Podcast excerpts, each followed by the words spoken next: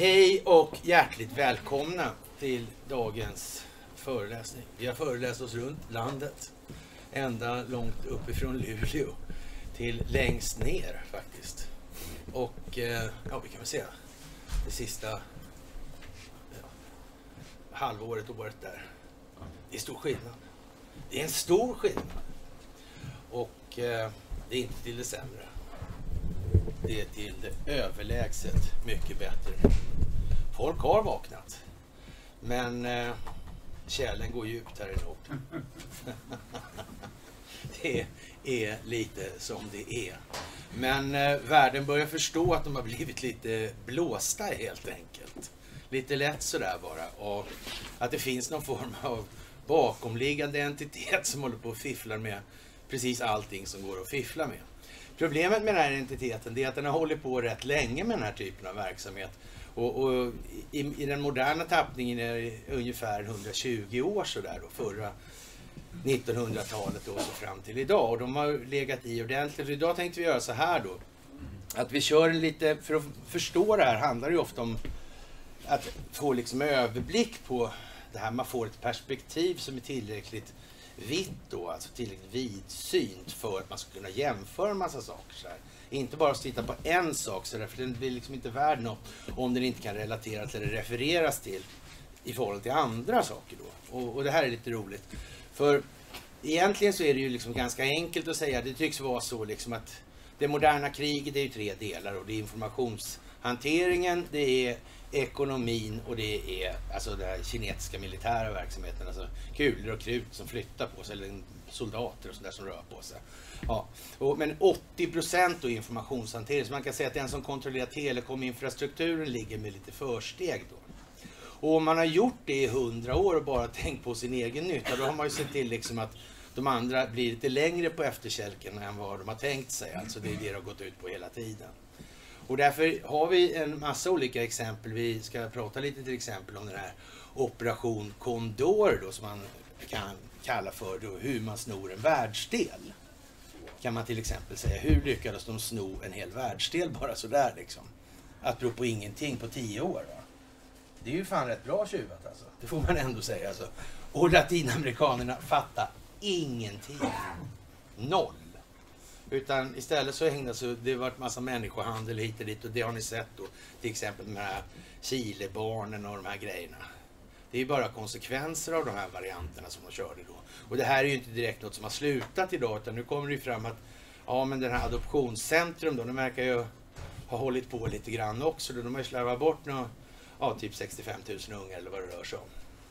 Sådana där. Det, det är liksom inte så småskaligt det här, det här är storskaligt hela tiden och det, det kan till och med handla om hela världsdelar som det har gjort. Och, och, ja, som sagt i Afrika vet ni ju det pågår ju en del då med Lundin och det är Sudan och Sydsudan och de här grejerna och de här. Och eh, jaha. Någon som kände igen Ja, det är Rabi. Ja, skulle ha en autograf? Släpper du in Ja, ja, ja. Ja, alltid är det något. Ja, hur som helst, det här har sin grund i det här gamla vanliga talesättet och essi non videre. Och eh, i ljuset av verkligheten så blir det ju så här då, de här fyra har ju då planerat det här strategiskt länge alltså. Och kanske inte just de här fyra i dagens tappning då, utan det här är ju planerat sedan en längre tid tillbaka. Det här måste man ha kommit på senast när man införde då Bank of International Settlements 1931. Då måste man ju fatta det. Och när vi vet till exempel som idag, här och nu, när vi har satt nytt världsrekord i Sverige. För en gångs skull har vi gjort något helt unikt alltså. Vi har haft en statsminister i sju och en halv timme. Det är det lätt kortaste överhuvudtaget. Ja, men det är också beräknat. Så, det ligger också i den här planeringen. Det är så, igår eller innan det här, då hade folk en idé om att ja, men nu har vi en statsminister så nu kan vi luta oss tillbaka och hoppas. Va? Nej, det har ni inte. Det var slut. Det tog sju timmar. Bara så här. Nu har ni ingen igen. Liksom. Det här är inget stabilt system som ni tror. Det ser ni nu när ni tittar. Ni måste ha en klar optik alltså. Man måste se en bild. Alla tyckte att det här var ett stabilt politiskt system med sju timmars statsministrar. Det är kortare än många andra länder kan föreställa sig i de sammanhangen. Alltså. Och ändå har vi en ganska så färsk erfarenhet att vara utan statsminister. Alla kommer väl ihåg hur det gick med Löfven sist. Det, skulle, ja, det tog fem månader för mig innan vi fick statsminister ett tag. Va? Och nu händer det igen så. Politisk stabilitet, ja. Det kan man ju kalla det. Ja. Och då är det så här också, inte vem fan som helst alltså. Inte vem fan som helst alltså. Det är Magdalena Andersson. Magdalena har den lilla finessen med sig i det här läget. Att hon är ordförande för IMFs högsta rådgivande organ. Ja. Och dessutom så är hon statsminister för Sverige. Då kan man ju tänka sig att alla andra länder måste ju tycka att det är helt hopplöst alltså. Ska IMF agera utifrån vad som är bäst för Sverige? Eller kommer Magdalena att agera för hela jordens befolkningars väl främst? Eller kommer hon sätta den svenska befolkningens... Man kan ju säga att eh, de andra länderna borde ju protestera högljutt. Och man kan säga att det blir inte just mycket bättre av att hon är gift med Richard Friberg. Det blir sämre. Och det fattar alla. Eftersom han har Jacob Wallenbergs professur på Handelshögskolan och är Sveriges främsta expert på valutaregimen. Det säger ingenting. Det speaks volume alltså. Big time. Hela världen ser... Alltså, och då kan man säga så här. Ja men vänta här nu, gubben hennes då. Han, han är ju för fan direktkopplad hit. Det är ju de där jävlarna som exploaterar. Ska hon vara chef för IMF? Ingen risk att vi som har lånt till IMF kommer betala lite mer räntor då eller? Det kommer de inte kunna räkna ut. Jo, det kommer de kunna räkna ut på en gång. Och det borde det svenska folket ha räknat ut för länge sedan. Att det här är något jättekonstigt. Magdalena vill inte ha det jobbet. Det finns inte på en karta. Och det är som jag brukar säga på mysen. Ja, hon är i alla fall lojal mot sin man. Det är ju det va? Det är ju just det. Hon är ju i alla fall det. Men eh, vad, säger det, vad betyder det för resten av jordens befolkning? Och vad betyder det för den svenska befolkningen? Det är något helt annat det. Och det är inte något bra. Det är något dåligt. Det är bara så. Och det är ju något som, alltså det borde ju vara det moderna kriget som sagt för 80% information, 15% ekonomi och 5% kinetisk militär ekonomi. Men de flesta människor lever i förvissning om att om det inte smäller så är det inte krig. Det är den minsta delen. Vi föddes allihop in i ett krig. Hela planetens befolkning föddes in i det här kriget. Och det har varit krig hela tiden. Hela jävla Det har bara tagit sig lite olika uttryck. Ja. Ja, det här är ju massa sånt där trams som ni känner igen. Det vet ni mycket väl och det behöver vi inte ta. Ljuger om. ABBs nätstyrning och kommunikationslösningar övervakar, styr och skyddar världens kraftsystem. Ja, det, Direkt citerat från deras hemsida. ja. det var väl snällt att upplysa oss om det. Ja. Vi tror på dem. Ja, visst. Det gör vi faktiskt. Styr världens kraftsystem. Men vad fint. Det är diskret. Ödmjukt. Och, och, och de är inte ute efter att tjäna pengar, det vet vi alla. Och, och det blir inte bara alla andra människors bekostnad, inte det minsta. Det, Det är en ren demokratiinsats. Ja. Och vad är det för någonting då? Det här är ju en gammal maktikarta då. Det fanns förr då ett sånt här verktyg på internet som gjorde att man kunde ta ett namn och så slog man in det namnet i en sökruta då. Så fick man upp alla kopplingar som fanns på det här och det var ju fantastiskt bra. Det köptes sedermera upp och sen lades den där sidan ner. Ja, som det ibland plägar bliva i de- bliva i de här sammanhangen. Här kan man se till exempel White House State Dinner då, 2016, det är Obama-tiden. Under Obama-tiden så är det ju mycket märkligt det här hur egentligen Obamas presidentskap har sett ut. Och hur lång tid bakåt det här går. Och vi, vi kan ju lätt räkna oss bak till 90-talet i det här. Men som sagt, de måste ju definitivt ha vetat att systemet skulle hamna där det har hamnat nu. Det visste de redan 1931. Det är helt säkert. Ja, och sen har det inte gått så bra att motverka det. Det har krävts rätt mycket planering eftersom de alltid har suttit på alla informationsflöden. Det går ju liksom inte att skicka brevduvor knappt till varandra utan att de hör det. Det är ju liksom svårt att hantera den här situationen informationsmässigt i dagens läge med de som sitter på alla jävla växlar överallt. Det går inte helt enkelt. Här finns det en massa olika saker. Börje Ekholm känner ni igen, han står ju i bryggan numera.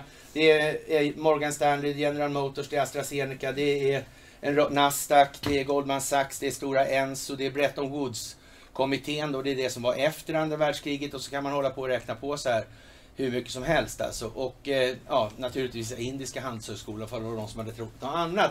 Och sen Nobelstiftelsen. Och den här Nobelstiftelsen har alltså använts för att skapa legitimitet för olika typer av vetenskapliga teoribildningar som har kunnat användas då i politiska syften. Man skulle kunna säga att ett bra exempel just nu som skapar en enorm hävstång för de som har kapat den, det är just covidiotin. Det var ju från början meningen till att bli något annat. Och det här var ju så att säga, det visste man om. Och enda sättet att komma åt det här, det var ju att smyga in sin egen avlyssning i det här. Smyga in sin egen hårdvara i telekominfrastrukturen. Och det är vad man har gjort under väldigt lång tid. Bilda separata myndigheter som inte är i tjänst hos den djupa staten eller Investor då i det här. Och det är vad som har hänt. Alltså det är därför den här Space Force finns till exempel.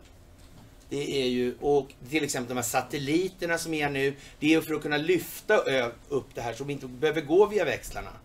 Mm. För då, ja, då lyfter man upp det och så studsar man ner det någon annanstans istället. Men har de fingrarna på växlarna och trådarna emellan, då är det natta igen. Och de talar inte om vad de hör. Och de kommer aldrig att låtsas om att de vet. Det finns inte på en karta. De planerar utifrån det istället för att motverka. Det är ju liksom sekventiell planering så långt fram man kan nå i förhållande till vidare perspektiv. Man kan nå längre om man har ett vidare perspektiv. Har man ett snävt perspektiv då tenderar det att bli ganska kort så här. Det vill säga skriv rakt, skriv kort, skriv svenska. Så. Ja, jag vet inte, det finns ju mycket som helst att säga men vi ska inte, och så är det SAS och så är det ABB och så vidare. Men det ska vi inte fördjupa oss i. Det här är ju det övergripande vi kör nu först här. Och det är samma gäng och, det där behöver inte, och där har vi Arsenalsgatan. Och så här, det här är modellen då så det funkar. Där bak står han. Och eh, det här är väl då 2012 tror jag va? Och då kan vi, här kan vi säga så här, varför är det värt att titta på den här bilden överhuvudtaget? Här kan man säga så här, här har vi ett belägg för att det har skitit sig big time för Investor. Här har det skitit sig big time. Vad stod det på första bilden? SN verkar utan att synas. Mm. Det är en sak som är helt säker. Den här snubben, han har varit med förr. Han har det i generna alltså. Man kan säga att hans fenotyp, alltså det sociala påverkan i uppväxten, den gör gällande att han litar på ingen alls. Mm. Ingen jävel litar han på. Och han tänker blåsa eller ta död på alla som säger emot. Det är bara så. Och det har, så har det fortsatt hur länge som helst. Och det är också helt säkert att när han, de här två killarna bestämmer ingenting. Då, för han bestämmer över båda de här. Ja. Den här killen han har ett, en underrättelsetjänst som är helt beroende av telekominfrastruktur och den tillhör ett telekombolag som heter Saudi Ericsson. Mm. Ni kan gissa, det är klart att det kan heta Saudi först, men vem som har patenten och vem som betalar licenserna, det kan ni vara helt övertygade om. Och blir det tjafs om det, ja då blir det rättstvist och så blir det skiljedomstol. Och var ligger den? Jo, det ligger på Surbrunnsgatan i Stockholm. De andra har ingen chans. Har aldrig haft någon chans ens. Mm. Det är spel mot ett. De har haft spel mot ett mål hela tiden. Men här har det i alla fall brutit. Varför? Han syns. Han syns helt säkert. Och han ser han fotografen. ser fotografen. Det är ingen risk att han inte ser fotografen. Han ser fotografen. Det gör han. Och han ja. har makt att säga att den bilden, den ger du till mig. Det gjorde han uppenbarligen inte. Och, eller att fotografen behöver aldrig åka härifrån. Ja. Han är som gjord för att vila i frid. Ja. Mm. Men det blev inte så. Det blev inte så. Ja. Och eh, ja, som sagt. Man tror att det är regeringen och riksdag som regerar kungariket Sverige. Saliga och oskuldsfulla barnatro. Redan då alltså. Ja. Verklig regent är varken Gustav V, Hjalmar Branting eller riksdagen. Det främsta rummet, det är huset Wallenberg alltså. Ja. En namnteckning av Knut Wallenberg under vissa omständigheter, har under vissa omständigheter större räckvidd än vilken regeringshandling som helst. Det säger Arthur Engberg, socialdemokrat och ecklesiastikminister, som han sa det här 1922 i tidningen Arbete. Han dog 56 år gammal. 1944 kan tilläggas. Då fick det vara nog med besvärligheterna från Engbergs sida det brukar oftare bli så på den tiden. Han var som gjord Ja. för att vila i Han frid. var som gjord för att vila i frid han också. Ja, och, och att Karl Gerhard skriver just om det när det gäller till exempel Edvard VIII och den här flamman han hade då. Ja, vad heter hon? Ihåg eh, ja, En, en, en ofrälse i alla fall. Ja, ja, men hur som helst så... Han avsades ju kronan och han hade ju inte... Han hade inte exakt lite med fingrar insyltade i den här soppan med Hitlerprojektet om vi säger som så. Det där blev ju lite osnyggt det där. Med, med tiden då, för Wallis Simpson hette hon. Och eh, det här var ju löjeväckande tyckte ju många då, till exempel Karl Gerhard. och Han skrev ju då skojiga visor och, och, och ja, om det slumpar sig så om man får tid det då, till och med. Mm. Tror jag. Och eh, det kan ni ju lyssna på hur han tycker om stackars kung Edvard VIII som var på sina flotta smokingaxlar och så vidare. Ja, så. När han väl blev gift med konan så började det klia Efter kronan, då skulle han ha tillbaka kronan igen. Ja, precis. Och så har vi då talibanerna och vad de pysslar med. De pysslar med opium, det vet vi ju hur det här går till. Det går inte så bra för opiumodlingen numera. De bränner opiumodlingarna och tar in alla pundarna och sätter dem på avgiftning. Det är bara det för att slutknarkat. Och, Fast, fast grejen är ju också år 2000 när de tog makten i Afghanistan. Då vart det ingen heroin. då försvann det. De la ner det. Året efter blev invaderade och sen var det nya rekord år efter år på vallmoskörden. Ja. Och, och så här har det Men hållit det är på. talibanerna som fick guldet. Ja. Första året de var där så de kuttade Och, vi, rätt och det har Sverige betalat, vad då för? 14 miljarder har vi betalat för det. Ja, något sånt där. Och, och vad har vi fått för dem då? Och vi har fått Officiellt. mer heroin i och för sig, det ska vi inte snacka om. Vi har fått räntekostnad. det, det, det är ju alltid något. Ja, sådär. Och eh, ja, sen kommer vi in på de här tramsiga grejerna då. Och det här kommer ju visa sig då att det har som vanligt kopplingar dit det brukar, till Arsenalsgatan. Dit kommer det att leda. Men! Det här är också den grejen som är nu. Va? Att nu måste det här spelas extremt noga. Nu är vi lite mätta i ett halvt dygn eller dygn ungefär. Vi har haft en statsminister i sju timmar. Det, det är ungefär, då, då klarar vi i alla fall att, att tycka att det var ju ganska kort. Så måste vi fundera lite på det. Men ja, sju, åtta. Så men, men nu kommer det ju trappa upp alltså. Och sen är det precis som jag brukar säga det här med hur man gör när man liksom är missilförsvar då, eller luftrumsskydd. Det gäller alltså att skyffla in så jävla mycket saker. Så hur, hur bra försvar man än har så blir det mättat liksom.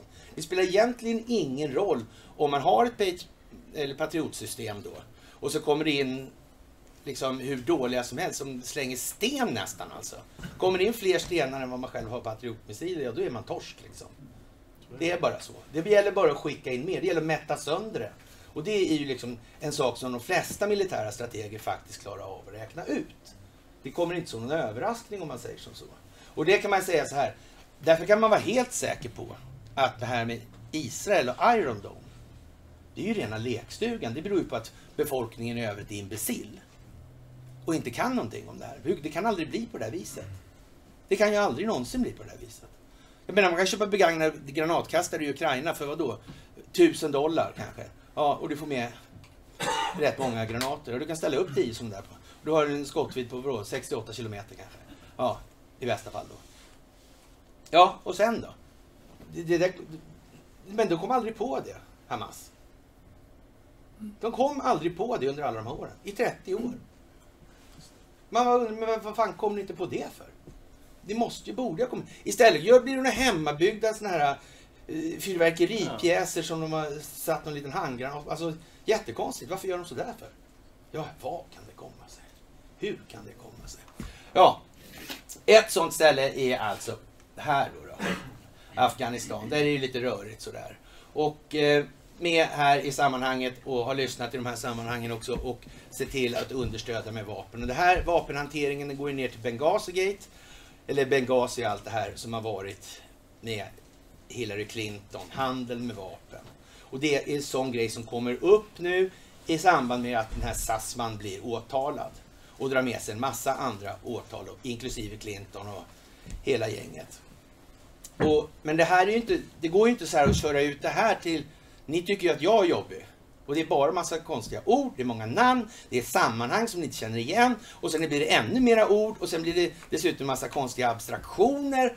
Och, och det går liksom inte att mala på så här. Man får ta den, ska man äta upp elefanten måste man ta den i lagom delar. Ibland måste man till och med tugga länge för en bitar kan vara sega liksom. För man överhuvudtaget ska kunna svälja dem. svälja dem. Det är bara så. Och det här är ju ett, jävla problem då om man ska hantera en hel världsopinion. För det här måste ju ske samfällt. Det, går ju, det är ju ingen idé liksom att köra upp då till exempel med Palmemordet och säga så här, nej men vi fick lite, lite, lite såna indikationer här, noga räknat en, en sån här Bibba-dokumentation från ryska underrättelsetjänsten. Och de har haft span på det här. De har förresten kartor på Tulehuset här också. Och, och ritningarna har de också här. Och, och, ja, de kan ju liksom ha varit många som helst där inne i typ stay behind-gubbar som sådär. Och det vet man ju inte hur det där har gått till för allting har ju utretts liksom åt ett helt annat håll. De första som kom på att det kunde vara så, det var de som utredde polisspåret. Men de sjönk ju sen då istället. Med Estonia. Så det blev ju liksom ingenting av det. Nej. Men det, och det går ju liksom inte så här, men då säger vi så här då. Jo men CIA är inblandat. Kan vi säga så här. Ja, det var de här och de här och de här. Ja, ja men vänta nu här. Ja, och då så... Men CIA då, om vi kör den nu och sen håller de på och sätter delar av CIA för fusket i valet. Men då tar ju vi fokusen från den amerikanska befolkningen. De kommer inte fatta ett skit av vad som händer i USA om det kommer en massa gaphalsar här och säger nej men de mördar vår statsminister. Det blir helt fel ordning. Det är samma sak med de här pedofilerna nu. Det kom ut då den i augusti 20. Eller om det var juli 20, spelar roll. Och det var en massa guvernörer, det var en massa borgmästare och såna här grejer. Ja, det då kommer var det tvärtom. Då var, då var det tvärtom. Då, då, då gjorde de ju så här, istället för att det inte skulle komma ut då. Då la de upp det så det kom ut, det fanns ju offentliga handlingar. Men naturligtvis publicerade inte CNN och, och Washington Post och eh, New York Times, de publicerade ingenting och det visste ju alla att de inte skulle göra. Det visste ju alla. Men problemet då, det var vi. Det var vi som var problemet.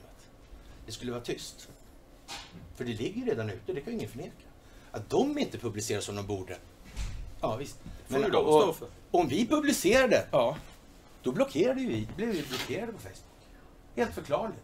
Men för att kunna blockera oss på Facebook så måste man ha kontroll på Facebook. Det går inte annars. De måste ha kontroll på Facebook redan tidigt. Annars går det inte det här. Då går det inte att koordinera det här. Då kommer det bli såna här dumma grejer. Så de kommer avslöja världens skitgrej på sin egen underrättelsetjänst som tar allt fokus istället. Det här, samtidigt som det här kommer då man får ut de här nyheterna lagom takt så här i steg och bitar. Ja, då sjunker ju allmänhetens förtroende för de ägardirektivstyrda opinionsbildningsmedierna. Det sker ju samtidigt alltså. Det är ju två processer på en gång man måste driva och så måste det här koordineras.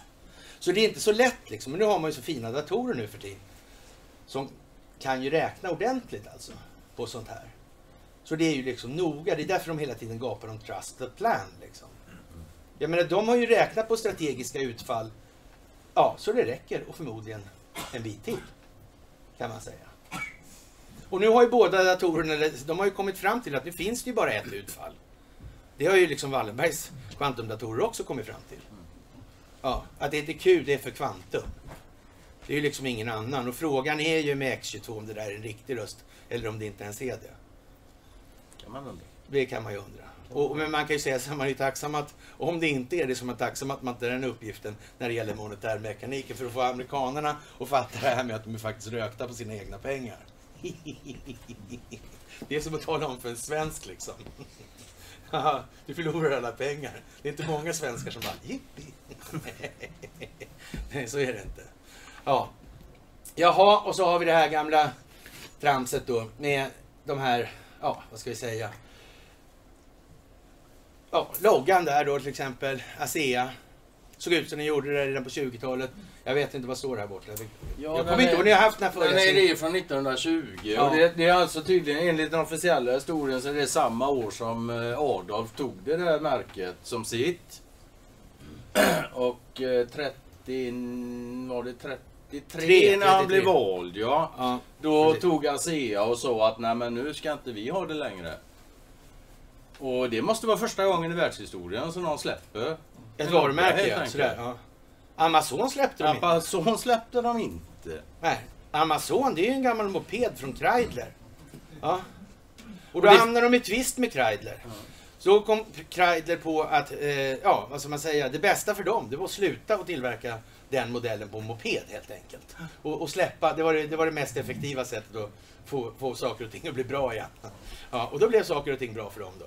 Så i alla fall. Och idag finns det ett stort företag som heter Amazon. Och kikar man upp på det och kollar vad det är registrerat så vad var det i Luxemburg. Luxemburg? Ja.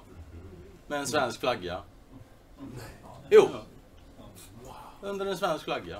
ja. Här har vi en annan grej på tal om flaggor och Mm. flaggan i topp. Snygg övergång. Nu, jag visste du skulle uppskatta den så jag tog den så enkelt liksom. Ja. Men det är bra. Den är bra. Vad är det där för någonting då? Det är Red Castle, det ser ju alla, det är ju rött. Det är kastellet i Stockholm. Och eh, är, det symbol, är det någon symbolik i det här?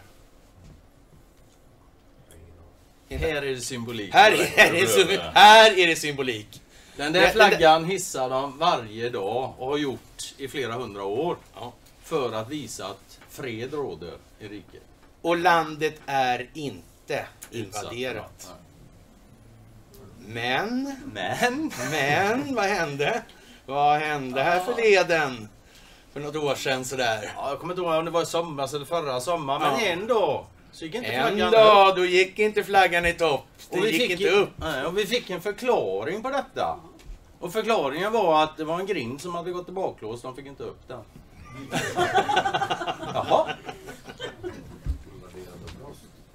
Så kan jag. Man kan ju säga så här att vid det tillfället så har jag en känsla av att klimatet i den svenska statsförvaltningen Ändrades. förändrades lite grann. Och eh, eftersom vi bara har en symbol i det här landet som bevisar att landet inte är invaderat. Vi har bara en. Mm. En officiell sån grej liksom. Och nu funkar det inte. Oj!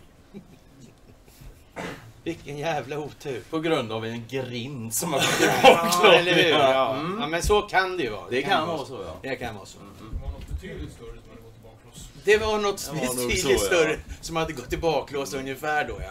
Precis, och det var, Börje var väl i brygga redan på den tiden har jag för mig. Så det, som han själv uttryckte saken. Lätt parterre på honom skulle vi kunna säga. Också. Ja, eh, för övrigt så är det här en, någonting som man kan koppla till både Vasa och man kan koppla det till kanoner och man kan koppla det till tunnlar. För tunnlar är någonting som Sverige har alltid varit väldigt intresserad av. Det har varit en så att säga paradgren när det gäller att gräva saker. Det har grävits, grävts en hel del. Och eh, det finns till och med gamla barnböcker om Det blåser på månen och de här. De, ni kommer ihåg efter andra världskriget kanske när det, det vart fred då. De här amerik- eller, japanerna var ju lite så här stingsliga av sig så där, och envisa.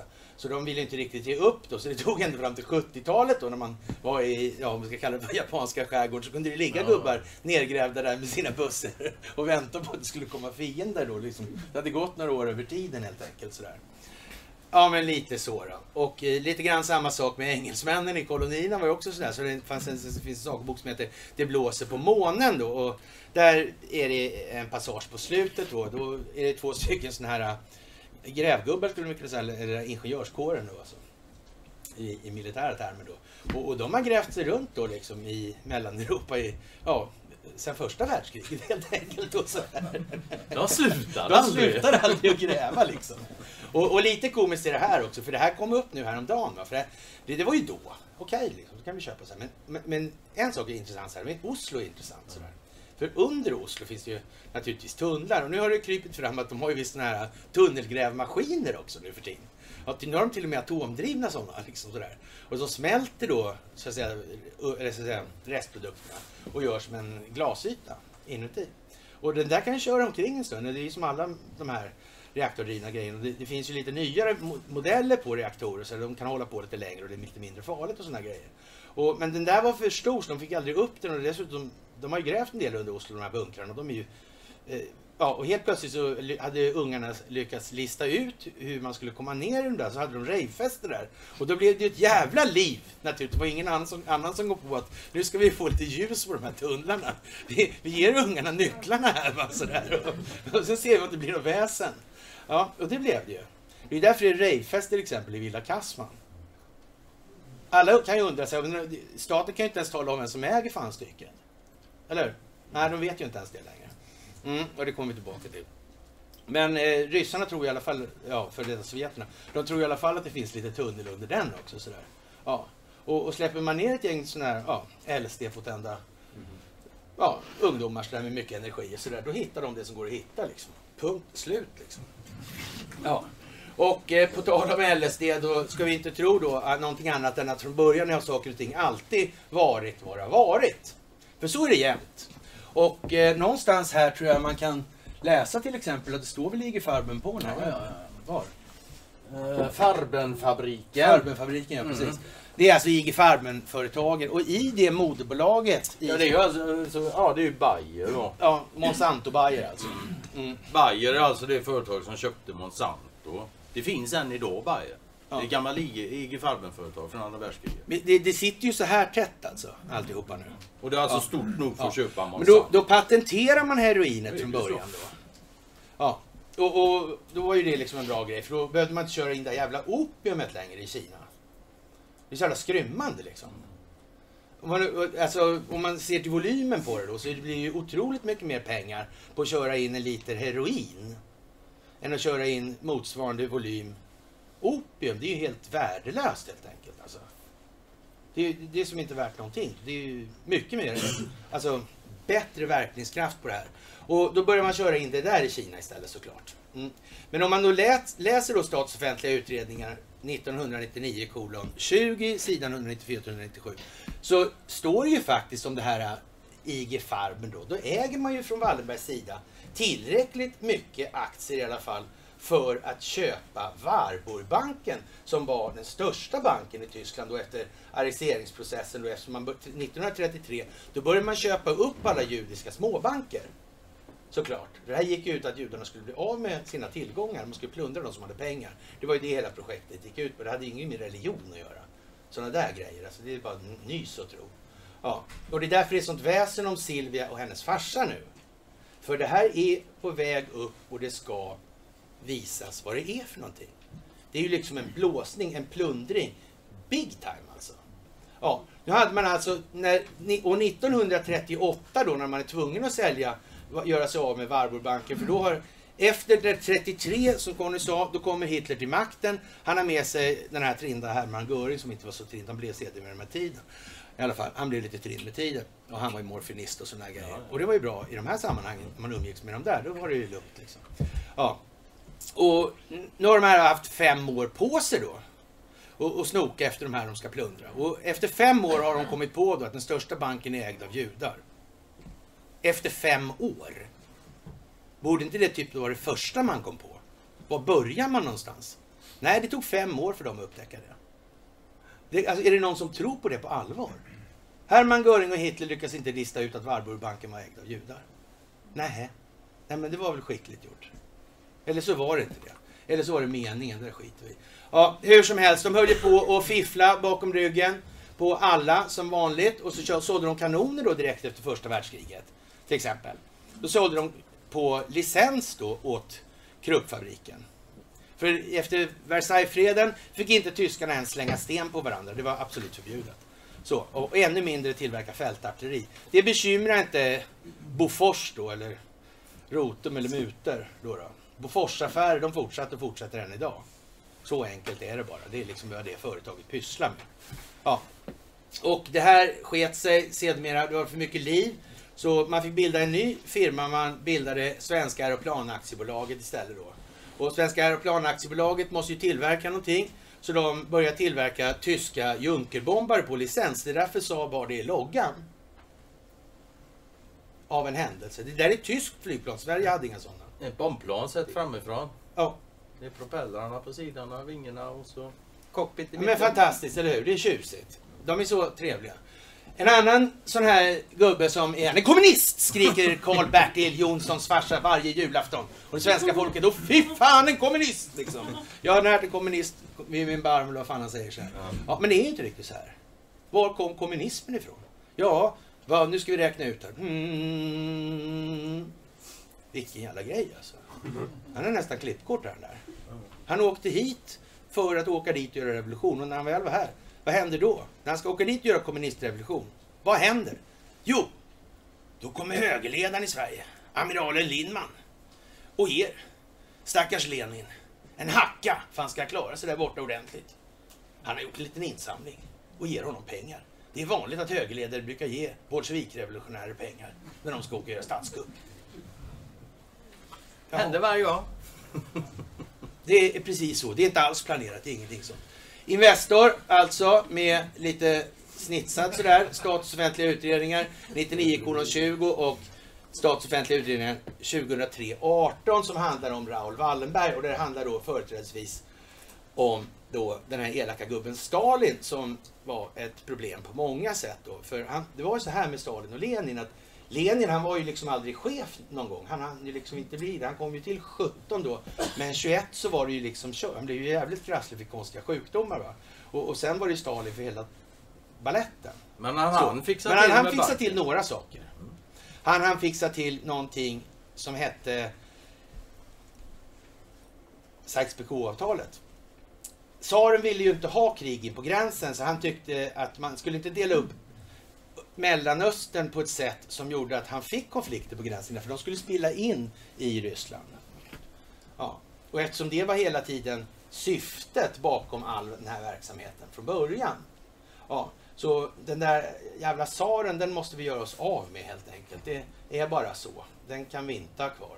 Helt omöjligt helt enkelt. Ja. Och sen tillsattes eh, då när den här Lenin, Leningubben då hade kommit till, då tills, började man tillsätta något som hette narkomfin och ni kan aldrig gissa vad det var för någonting. Jo, det var en centralbanksstyrelse så fick de en centralbank också. Undrar var de fick idén om det ifrån? Ja, vi har ju i alla fall världens äldsta, vi hade den första centralbanken på planeten. Så vi kände ju till någonting om centralbanker. De gjorde det uppenbarligen inte. För då hade de väl skaffat sig om det var så jävla bra. Men det gjorde de i alla fall. 1921 skrev han på det här i Sykes-Picot-avtalet. Lenin alltså. Det var bland det första han gjorde alltså. Sådär. Och sen blev det bråk i Mellanöstern. Ja. Och Sen så dog han. i hundra år. Och sen dog han. Sen var det inget mer. Stalin han var ju lite nojig. Han visste att eh, Ebenholtstelefoner med guldinläggningar det kunde vara ett eh, dåligt tecken i tiden. För man tyckte de var fina och såna grejer. Då var det lätt hänt att eh, de långa dolkarna kom om natten helt enkelt. Så var det ju. Så han var ju asnojig och det var han väl med rätta, skulle det har nog de flesta varit, i hans kläder. Vågar jag påstå. Så det är klart att han har varit en fruktansvärd diktator hela tiden. Den fruktansvärda diktatorn. Han lät Eriksson, så- vänta, han lät Eriksson vara kvar i Sankt Petersburg. De behövde bara byta skylt. De bytte inget annat, de bytte bara skylten. Så förargligt. Den hemska diktatorn. Ja. Vilket svin. Men En sak man kan se då också som Karl sa, tsaren vill alltså inte ha då massa bråk runt kanterna på sitt land liksom för det spiller in då. Ja, hur ser det ut idag? I alla länder som gränsar till Ryssland. Det är inte de lugnaste länderna på världen. Nej, Varför är det så? alla vet ju liksom att modus operandi är att destabilisera Ja. skiten. Sön- Ukraina. Vitryssland. Härska genom söndring rakt av liksom. Det är hela tiden, hela tiden. Alla vet den här. Alla känner till den här modellen. Alla ser när den kommer. Alla vet vilka det är. Nu kan vi till och med namnen på dem. Vi kan säga så här, det är Antifa. Antifa sponsrar de här och de här intressena. Ja. Och Antifa i USA är startat av svenskar. Ja, det var svenskar. såklart. Jag kommer inte ihåg vad Mm. de hette. men- Såklart, ja. Och, det här, när det blir, och så säger amerikanerna, men det här styrs från Europa, Antifa i USA. Så, ja. Och då vet tyskarna som blir då uthängda för det här, de vet nog fan att Antifa i Tyskland styrs i alla fall från Sverige. Och vips! Där har vi Mattias Våg. Där har vi Mattias Våg, ja. Där kom han. Och vad säger Mattias Våg då? Han säger att det är mitt fel att det blir... Det är- Det är mitt fel att det blir kravaller där nere då. Ja, med de här uh, Pool och vad fan de hette då som var där nere då. Då skyller han på mig på sin blogg då i det här. Ja, ja helt otroligt. Men tyvärr Mattias, tyvärr, när det här hände så minns internet. För tidigare, längre bak i tiden, så ja, då var ju vi liksom, vi höll ju alltid på som vi har gjort då. Och då var det en tidning som heter Syre. Någon sån här miljö... Tjosan liksom. milustjossan, Syre då, de hade i alla fall, skulle, måste naturligtvis hoppa på mig för jag var, vad jag nu var den, jag, kommer, jag vet inte vad jag var den gången, men no, jag, jag var väl Du var säkert antisemit. Det är Ja, klassiskt. ja, i alla fall. Det kan man misstänka med avseende på vem de satt och skrev artikeln. Ja. Men det var långt tidigare det här. Och det var, jag skulle skrivas ner, det var ju det handlade om. Man skulle ta alla invektiv, alltså alla de negativa grejerna och radda upp liksom alla dumma grejer som finns. Liksom att, ja, typ att det fanns en, en parallell stat i staten i många länder och såna här grejer som idag kanske är helt självklart som alla fattar. Men artikelförfattaren då för Syre hette Mattias Wåg. Oj, Mattias, du hade redan klart för hur det här skulle vara alltså. Men vad fint. Redan då visst. Och sen börjar liksom, men då kan man säga så här också. Det är föga troligt att han, eller Mattias Våg vid det andra tillfället med det här med Antifa gjorde det med flit. Själv. Han ville inte det. Han blev förmodligen tvingad eller lurad. Så. För sånt jävla, sån jävla lucka kan man inte längre. Han måste ju fatta, det fattar jag på en gång. Jag ser ju direkt vad det här är för någonting. Han kan ju aldrig, liksom, det, här, det är ju skrattretande. Din dumma jävel liksom. Artikeln tidigare och så nu kommer det här. Ja, I anslutning till det här. Och det är strul med Antifa och jag vet, och du vet, de tjatar om det här med Soros och så vidare. Men jag vet ju att Soros har betalat till Expo. Ja, och det är vad de redovisar. Och det kan jag säga på en gång. Det lär inte vara alla pengar. Det är helt säkert. Och de skulle ju möjligtvis kunna använda Swedbank för att komma undan med lite till utan att det märktes. Det skulle man ju kunna säga. Faktiskt om man vill, vill vara lite fräck. Ja. Affärer till varje pris alltså. Det är konstformen att gömma undan saker det handlar om. Det är inte så att man har 35 procent och inte har makten när man, i Investors fall. Det är aldrig så. Man har 4 procent och 96 procent av röstvikten då, för man har nämligen preferensaktierna. Eller så har man optioner på alla andras aktier, så håller de inte käften så köper man bara de aktierna. Och så blir det som man vill i alla fall. Fast nu händer ju något roligt med Volvo. Det händer ju också. Volvo fick lägga ner det här med prefer- preferensaktierna plötsligt. Bara sådär. Det har aldrig hänt i Wallenbergs historia. Någonsin. Någon annan har tumskruvarna på. Och då kan man säga så här. Det beror ju på att de har ju samlat på sig ett tag- nu alltså. Saker. Och nu har de inget val. Nu är det draget ordentligt. Helt säkert. Stjärnqvist är på gång naturligtvis. Vargarna är på gång. Miljön är på gång. Och eh, man kan ju säga så här, när Donald Trump är här och skjuter vildsvin, då är saker som de är. Han skjuter onda svin dessutom. Alla har hört talas om de onda svinen i skogen. Ja, de speciellt onda svinen alltså. Hur många här har hört, alla känner säkert någon jägare eller jagar själv. Hur många har hört en jägare beskriva sina, sina Troféer, jaktbyten eller? som, ja, troféer, som onda? Evil! Ja. Det var första gången för mig i alla fall. Det. Ja, det här är Stjernqvist, Göran Perssons gamle partisekreterare. Stjärnan, han är världsmästare på bygglov. Och de här byggloven, det här bygglovet särskilt då, det gäller den här lilla berg och dalbanan i Kolmården. Ja, och det måste vara i alla fall det här landets till ytan och volymen största svartbygge.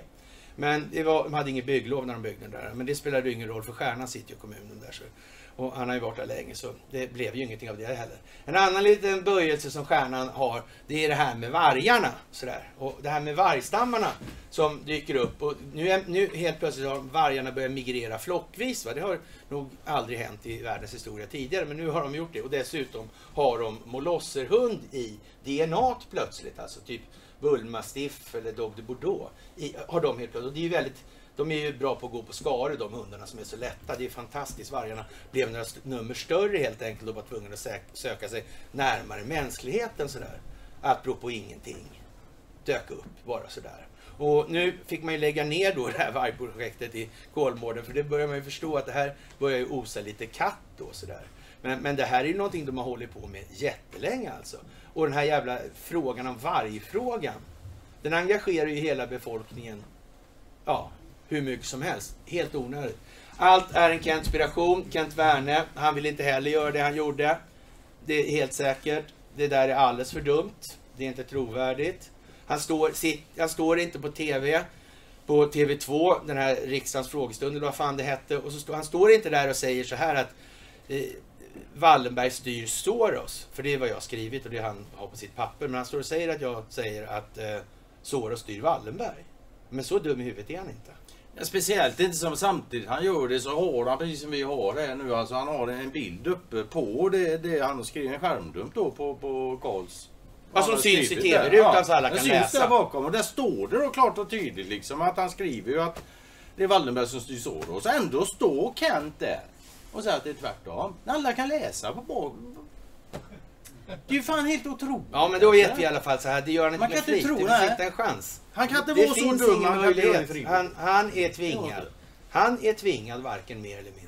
Så vad Det han är har gjort, så. det kan man ju undra. En annan som är tvingad, och det här är tvångsmedlet då, kan man säga. Det är ett stackel och det är draget och Hultqvist han tycker det är skönt, helt enkelt.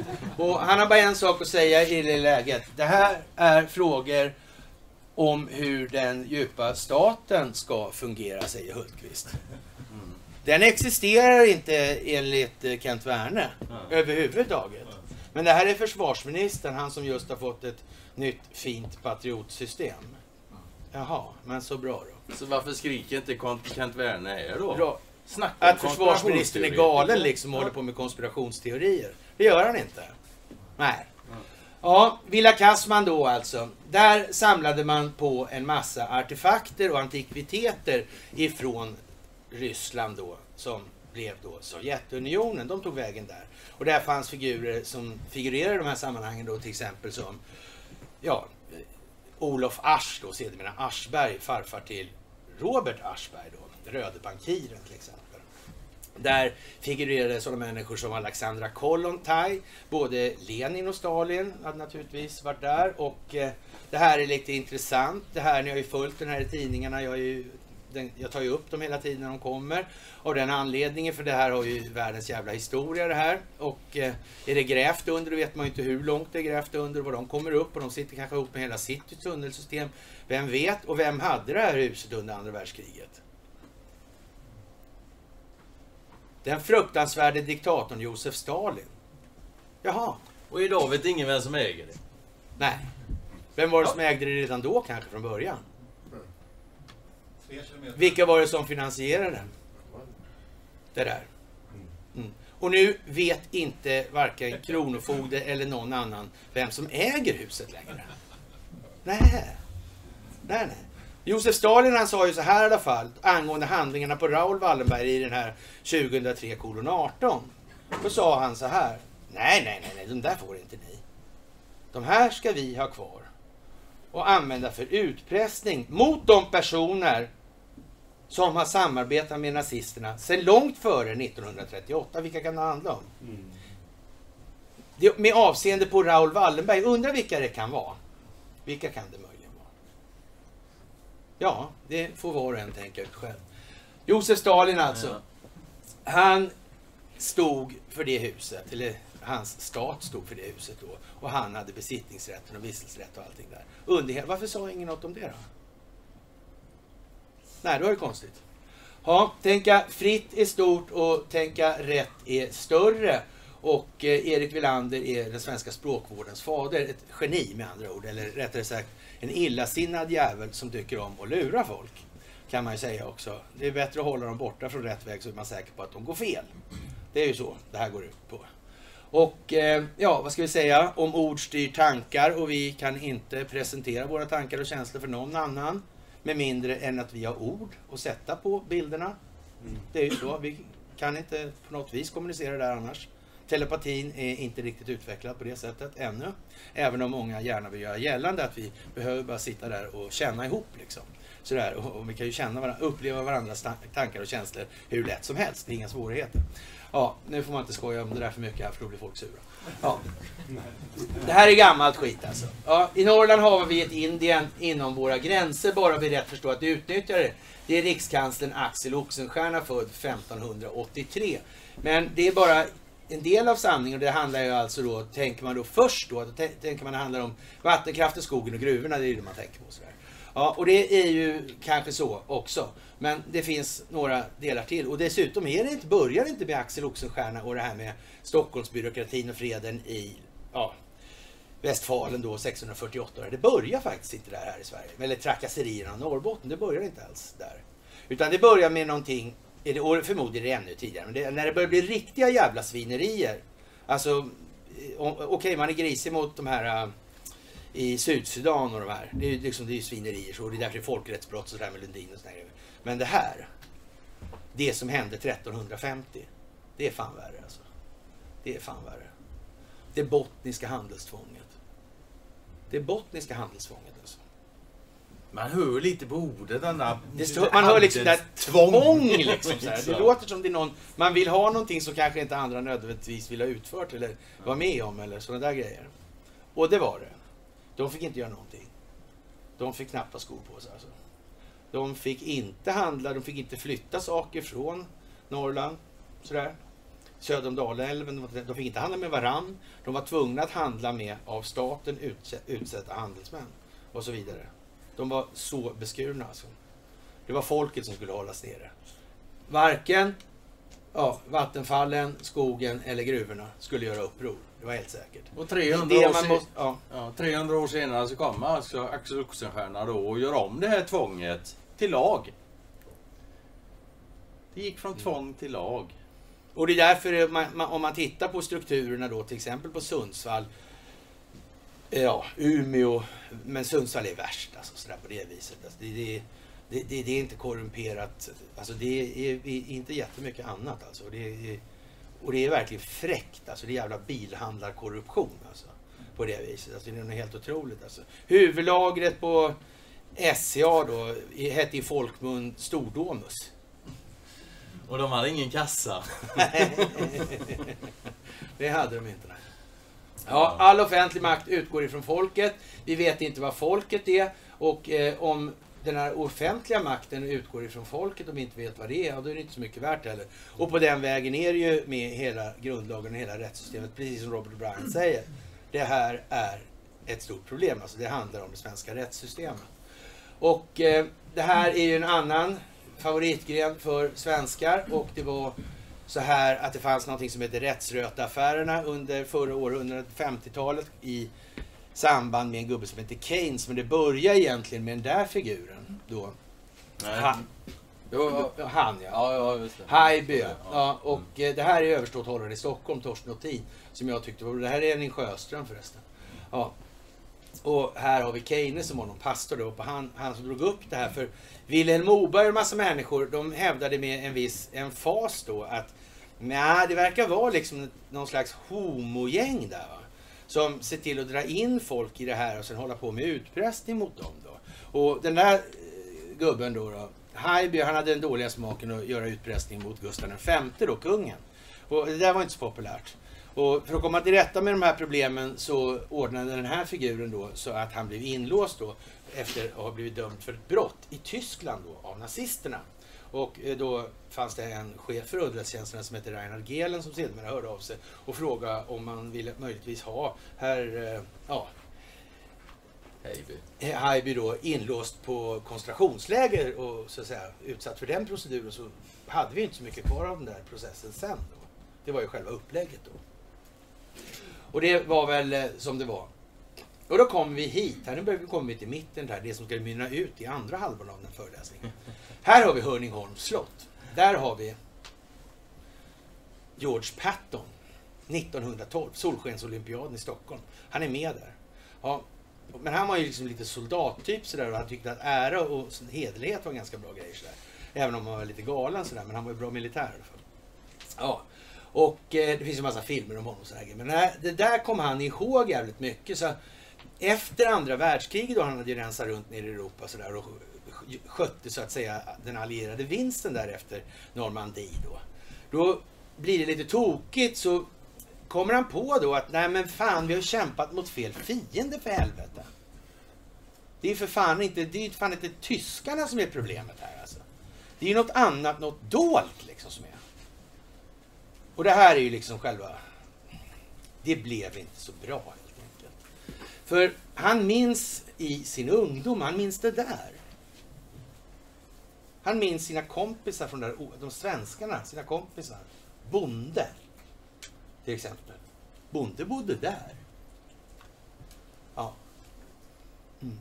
Så han åker till Sverige för att få hjälp med det här problemet, med den här dolda strukturen. Av alla jävla platser på jorden så är det inte glasklart att det var den bästa. Det Han man hade säga. fattat en hel del men inte När allt. Patton åker från Sverige åker han till Tyskland. Där tar det fem minuter så åker han ut för en bilolycka. Åh ja, en månad tog ja, det. men typ alltså. Men det bara blev så liksom. Att beror på ingenting. Men vad, vad har med att göra med den där då egentligen? Jo, faktiskt. Det har det. George S. Passon, välkänd ja, framträdande sådär. Och efter en månad var det så. så I Tyskland. Och så här, det, det är en, ko, eh, en komisk grej med det här. Det är ju det att den där liran, här. På ett rally här förleden. Då körde han upp den där. Och när han höll ett tal. Så. Det var lite speciellt. Och en annan sak så här. Han har nog bättre koll på att det här Ericsson-företaget håller på med mutor och såna här grejer. Det har han sagt vid något tal. Någon enstaka gång. Och lite så. Han har antytt att han anar att det är på det viset i alla fall. Ja. Och att han skulle skicka sin äldste son för att göra on, jaga onda svin i Sverige. Med mindre att han, än han hade koll på Säkerhetspolisen. Kommer inte han, han, han minns uppenbarligen vem Patton, det, det har han ju visat. Han minns Patton ju. Det gör han ju.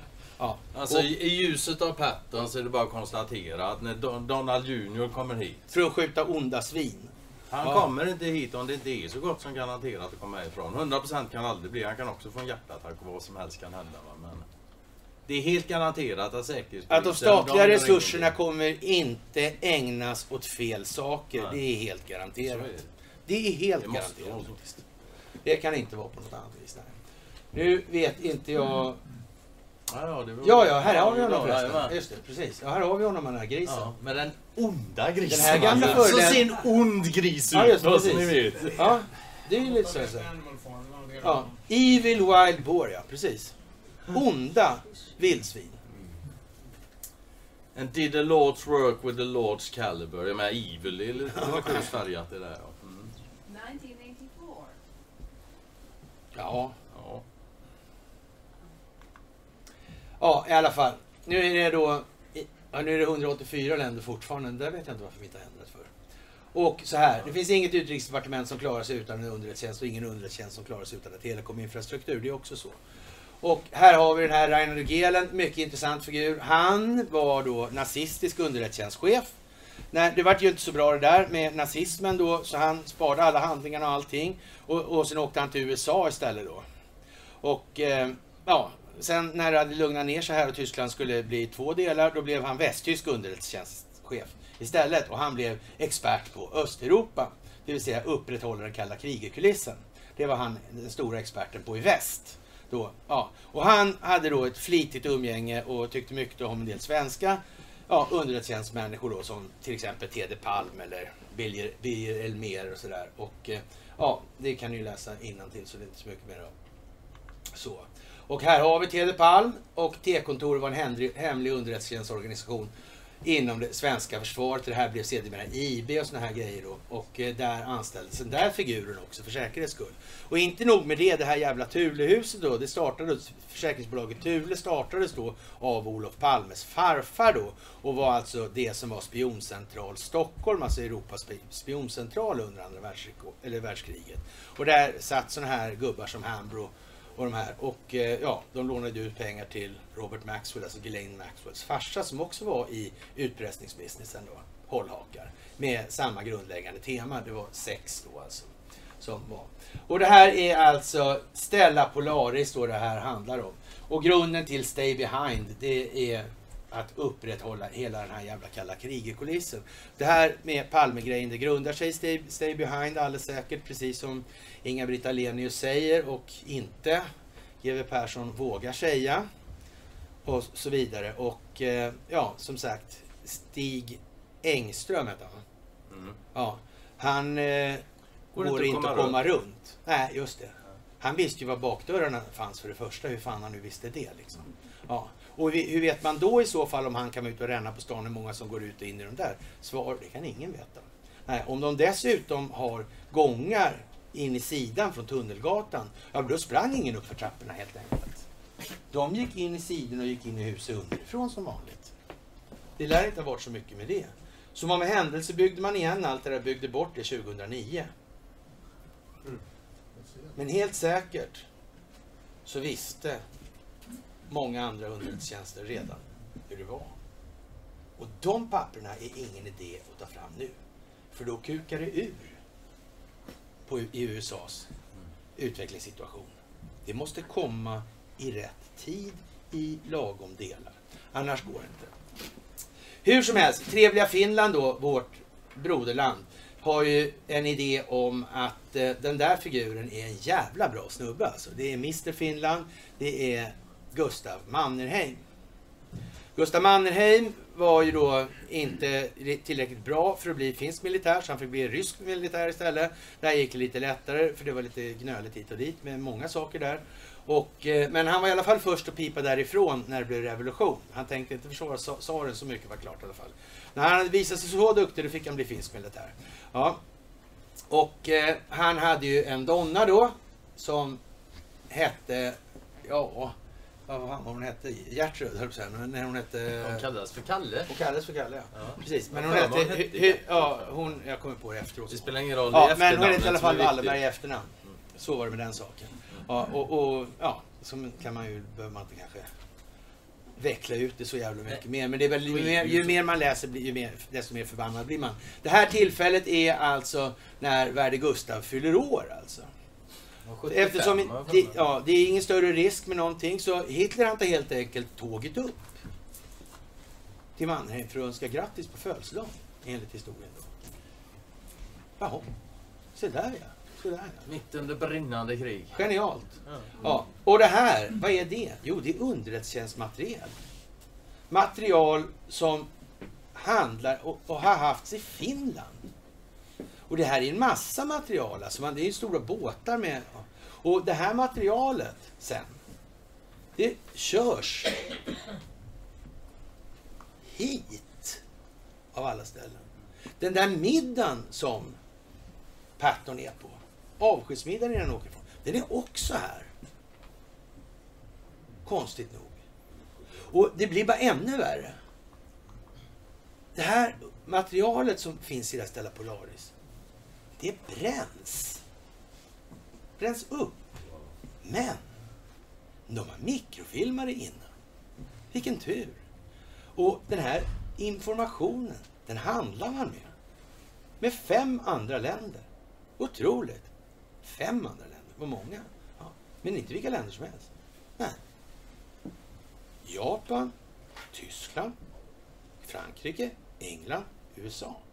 Men vänta. Det är väl en sida i världskriget och så är det den andra sidan i världskriget. Men hade man information om båda, då är det i alla fall klart att vi är neutrala, eller hur? Så. Det var ju ingen av, men vi lät ju inte dem veta något mer om den andra eftersom vi hade materialet. Då hade det inte varit förhandlingsbart för vår del annars. Så det var ju bra, då var vi neutrala. Eh, för vilken nytta? Kanske för egen då mest då. Ja, men det konstiga är ändå så här att alla släpper alla eh, allting. Det är ju inte så att tyskarna inte vet om saker. De vet ju massor med saker. Amerikanerna vet definitivt saker med bröderna Dall. Det är alldeles, alldeles säkert. Ja, det är säkert. Och Hirohito-gubbarna, de har ju alltid fått Serafimerorden. Det är ju fantastiskt. Det är ju fantastiskt. Ja. Vi hade hållhakar på alla sidor. Eller Investor hade. Så när det drog till sig då i Washingtonförhandlingarna efter världskriget 46 och den här Bosch-affären var på väg att explodera ordentligt. Ja, och, och det gjorde ja, Per Albins hjärta också samtidigt. Och på en då i ja, Alvik där, på rälsbussen och sådär. Ja. Ja, men jag tror inte han mådde så bra. Det tror jag inte. Jag tror han var jävligt pressad. Det måste vara tråkig historia det här. Kanske var i parterr. Ja, han kanske var i parterr, ja. Precis. Ja, Ja. men det måste varit en jävla trist historia helt enkelt. Alltså. Ja, men då, då bara... Helt plötsligt sa de bara, nej, vi ska nog inte åtala dem. De har visserligen ägt aktier i moderbolaget på IG Farben, men det gör inte så mycket. Eh, förlåt? Ja, de har plundrat, mördat, dödat, våldtagit, ljugit, bedragit i en skala och omfattning som inte har hänt i mänsklighetens historia. Men det gör ingenting. Nej, men det kan kan man man säga så här, då hade de rätt mycket att förlora på att informationen skulle komma ut också. Ja, så är det ju. Men samtidigt får man också säga att det är så mycket gör det kanske inte för det var ju Nürnbergrättegångarna då de skulle in i och där blev ju faktiskt en del för detta direktörer då för IG Farmer-företag. De blev faktiskt dömda för anstiftan till världskrig. Och det är ju en hyfsad rejäl å- å- åtalspunkt liksom. Med ja, 60 miljoner döda och grejer. De fick fyra år. Och vi vet inte ens om de satt eller inte. Vi vet bara att de fyra år senare så var de tillbaka igen. Vi slängde in kalla kriget här så. Ja, det var ju det, var ju det som var själva poängen alltså. Det Nu skulle det bli det kalla kriget, det var ju det som var poängen och nu ska ni hålla käften. Och som amerikanska utrikesdepartementet sa, familjen Wallenberg har det kalla krigets uppkomst att tacka mer för sin situation än sin egen förbättrade affärsmoral. Förresten, kommer ni ihåg det där bageriet som Polarbröderna hette som brann ner för något år sedan jag tror va? Ja, de har byggt upp igen. Jag såg en annons också där de hade satsat på vindsnurror också. Hade de minsann gjort. De hade döpt dem med. Den ena hette Stella och den andra hette Polaris. kan ju vara slumpen, Ja. så är det. Här har vi, ja, så ses typsnittet då för Red Bee och det är det här med BBC och det ser ni nu, det håller på hela tiden. Och eh, ja, här har vi då Donald Trumps juniors. Han har den där på sitt Twitterkonto, eller hade i alla fall för några veckor sedan. Ja, ja, ja, ja, ja det är som det är. Här har vi någon annan, in, här är inte någon glädje alls i den här bilden kan jag säga på en gång. Man ser det. Det är intressant Och, och jag kan säga så här, det här, det här hade han aldrig gått med på under no- normala omständigheter. Det här med handen i byxfickan framför de andra bredvid presidenten, slipsen på sniskan och oknäppt kavaj. Man kan säga att nonchalansen är väl rätt så påtaglig. Det ska signaleras att någon tycker att han är märkvärdigare än andra och det har inte han med valspråket att verka utan synas valt själv på något vis. Nej. Det där. Och Liljejöken skiter vi i och, eh, ja, så- och Dominion Voting är på väg upp. Det har ni förstått nu. Att det här kommer ju gå ut samtidigt och det här måste ske koordi- koordinerat på det sättet. Så det trallar bara vidare. Och kan inte det bli kul om vi får det borta i USA samtidigt som vi får ett nyval i Sverige? Mm. Och så har vi då, så var ligger då lojaliteten främst hos Sveriges nya statsminister? Hos den svenska befolkningen, IMF eller valutaregimen? Det är som sagt en fråga som må, man måste klara av att förstå, liksom bryta ner i delar. Att det här kan ju inte bara bli på det här viset, det är ju helt omöjligt. Ja, och eh, det där skiter vi i idag, jag orkar inte snacka om det. Och det där kan vi också... Monetär mekanik, det kan ni Så, va? och då gör vi så här. Nu tar vi 10 minuters rast och rökning där utanför och så kör vi igen. Ja. Vi eh, har ju någonting under det här. Då. Vilka personer fanns inblandade i det här till exempel? Vad var det för förlopp som skedde?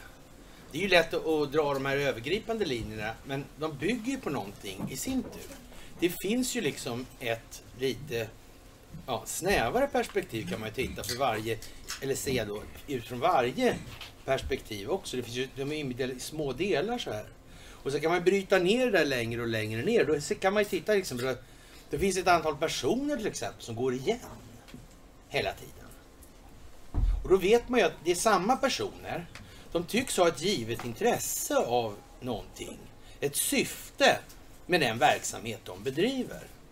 Och det kommer man ju ganska snabbt fram till. Det verkar inte vara allas bästa. Det verkar, då är det ett annat, då är det ett enskilt intresse då. Och det är ju bara frågan om hur snävt det här enskilda intresset är. Det är ju liksom, där har man kartboken, helt enkelt. Och det här är vad man kan kalla då för neokolonialismens framväxt då.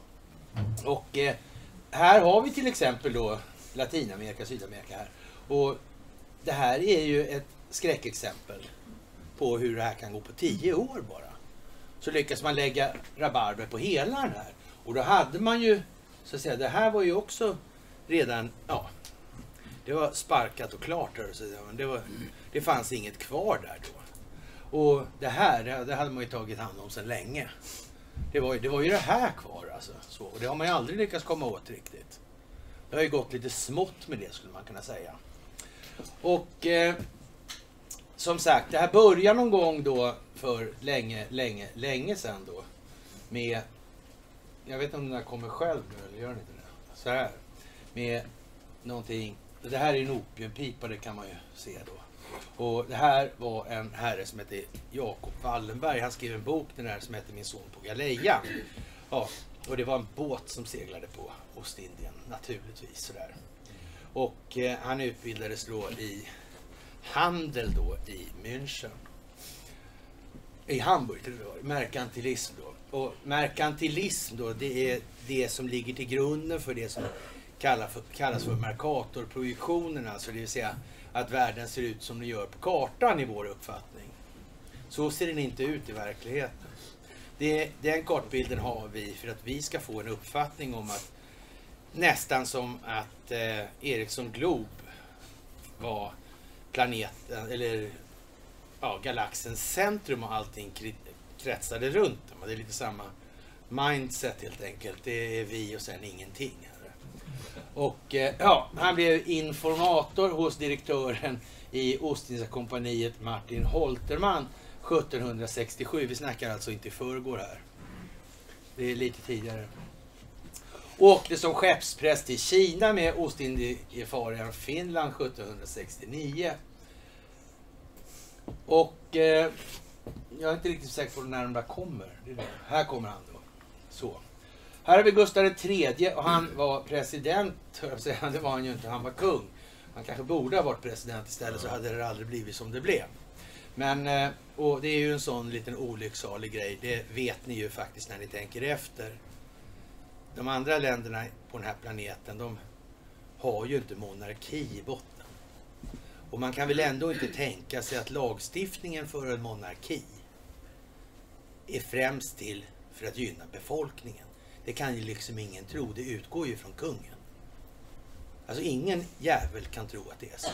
Men hur har man lyckats behålla den här lagstiftningen? Eller är det så som Robert O'Brien säger som en nationell säkerhetsrådgivare åt Donald Trump? Det här handlar om det svenska rättssystemet. Kan det vara så? Kan det vara så jävla illa att det här är fel i grunden? Big time. Vi kan säga en sak i alla fall. De andra länderna på jorden, de har inte råd med ett land som kan åka utomlands så här och muta folk i statsförvaltningen hur som helst. För det har ni sett allihopa. Att de mutas hela tiden. Eller hotar. Det är de två sakerna de gör. Ja. Och, och så sent som häromdagen så gällde det... Eh, vad heter det? Det var på Sputnik var det. Ja, om, Ja. det var Bombardier och tågen. Mm. Ja. Nu har de ju varit i farten och mutat dem. Då var det den här konstiga siffran då som får vem som helst att reagera. Till och med Conny som aldrig skulle göra en ohederlig grej då. Ja, nu ska ni skratta liksom. Det är roligt. Ja, men till och med Conny tyckte ju liksom att vad fan, ordern är på 2,7 och så har han mutat med över en miljard liksom. Ja, det, det är ju lite mer stålar dolt någonstans. I alla fall. När det gäller Gulara Karimova var det i alla fall säkert så här att det var, ja, det var i runda slängar då 4-5 miljarder sådär. Men själva eh, telefonkoncessionen då för hela det där Uzbekistan, det var, man förstår ju att det blir en del avlyssning av de andra länderna också per automatik då. När man håller på på det. Det kan man säga helt säkert faktiskt. Sådär. Ja, och, och det har mutats runt planeten och det har de alltid gjort, aldrig gjort något annat. Muta eller hota eller mörda liksom, det är de grejerna som finns. Ja. Gustav III han var inte riktigt inne på de här prylarna. Han var nämligen en stor supporter och bidragsgivare till amerikanska frihetskriget. Mm. Det var inte så jävla populärt i alla läger, helt enkelt. Det var lite tjurigt, helt enkelt. Det var inte så populärt. Och då vet vi ju det här med Delaware. Den första staten i USA. New Sweden kallas det också. Ja, där Joe Biden kommer ifrån. Ja.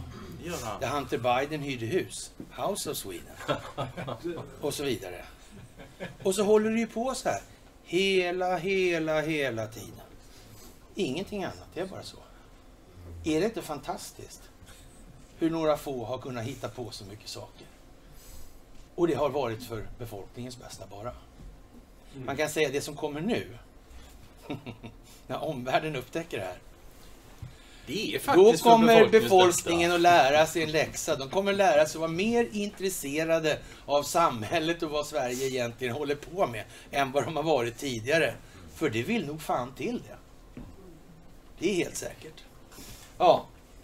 Sveriges konung 1771 gjorde statskupp 72. Eh, vänta nu här. Han var ju kung. Och det, var, det, var någon, det, vänta nu, vänta nu här. Det var någonting med de här reglerna tydligen. Som man inte tyckte var helt hundra. Annars hade han väl inte behövt göra statskupp, han bestämde ju allting redan. Han var ju kung. Ja. Eller hur var det här nu egentligen? Mördad, som av en händelse då, som sagt, 1792 av samma anledning skulle man kunna säga om man vill vara lite kort sådär. Ja. Jaha, det var ju förärligt. Och sen så tar vi nästa och så släpper vi upp dem så här. Så har vi Gustav den fjärde Adolf 1778 till 1837. Tar över efter sin far 1892, ska vara 1792 såklart. Får skulden för att Sverige förlorar Finland och Pommern till Ryssland. Ja, eftersom han var då son till Gustav III så, så, och, och Gustav III tyckte det var ganska bra med frihetskriget så kan man väl säga att den propagandan kom väl inte sådär helt oväntat kanske. Det gällde ju att få befolkningen att tro att det var en riktig jävla idiot helt enkelt. Mm. Det vill säga, det var opinionsbildningsstrategi inblandad i det här. Det gäller att ha folk, befolkningens stöd med sig hela tiden. Det händer ju direkt bara. Blir utsatt för statskupp som en konsekvens av det här då, då naturligtvis. Folket reste sig. Har vi sett den förut eller? Ja. Va? Det var, det, var väl, lite- det var väl lite starkt kanske att för historieskrivarna att skriva att det var freds och demokratiutveckling redan då. Det, det, hade de, det kom de inte i land med. Så det, ja, hur som helst. Han blev i alla fall då landsförvisad 1809. Det här är helt fantastiskt alltihopa, naturligtvis. Karl den 13 1748 till 1818 brändes som, brändes som ansvarig Nils Henrik Liljesparres utredning som pekade på omfattande konspiration mot sin bror Gustav den tredje då. Ja, vad ska vi säga? Eh, Någon brände utredningen helt enkelt. Och, och det var ju en konspiration bland de här som mördade Gustav III. Det var inte så mycket att snacka om. Helt enkelt. Och det, men det var bättre. Det var helt enkelt ingen, ingen val. Det var bara att bränna utredningen. Det fanns inget annat. Så. Och det här är ju lite så här svenskt. Det var en oberoende utredning kan man lägga till. Intar, intar då tronen efter Gustav IV 1809. Då är det här lite, eh, vad ska vi säga, fortfarande lite svävande. Och 1809 händer någonting här. Faktiskt. Och det egentligen så händer det redan på tidigare på 1700-talet. Där börjar man med införandet av en högsta domstol. Och vet ni vad som är så konstigt? Införandet och de här stegen, de går exakt parallellt med införandet av den högsta domstolen i USA. Exakt samtidigt. Och får samma effekter också. Jättekäckt. Jätteperfekt. Ja, och det här är så fantastiskt då. Och här då, 1809, då är det sista steget. Då klämmer man av kungen all juridisk makt, slutligen. Därifrån har inte kungen någon annan funktion än att vara en marionett. Han har noll i makt. Ni ska inte ha några med Gustav III helt enkelt. Nej. Det var färdigsnackat vid det Och tillfället. vad är det för makt de tar av honom? Men kungen, alltså vems ansikte är det som är på mynten? Det är alltså en monetär monarki. Ja. En penning. Ja, det är också därför som Socialdemokraterna då har makten i det här landet över 50 år. Har i partiprogrammet att de ska ta bort monarkin. Lyckas inte med detta på 50 år. Varför inte då? Därför att då får de gräva djupt i det svenska lagsystemet. Det går inte att ha någonting kvar, hela skiten är rutten. Nu tänk, har- tänk nu så här. Vi har haft en sju timmars statsminister just. Vi snackar nutid, big time alltså. Vi snackar nu alltså. Ja, okej. Den här sju timmars statsministern är gift med den främsta experten på valutaregimen. Men vänta här nu. En penningmonarki och en valutaregim, det låter inte, det är inte samma ord. Det har svängt nu ytterligare på något vis, det har vridits runt. Den här monarkin blev ju ingen monarki här. Det försvann ju. Han hade ju ingen makt. Så det blev ju bara en skenmanöver.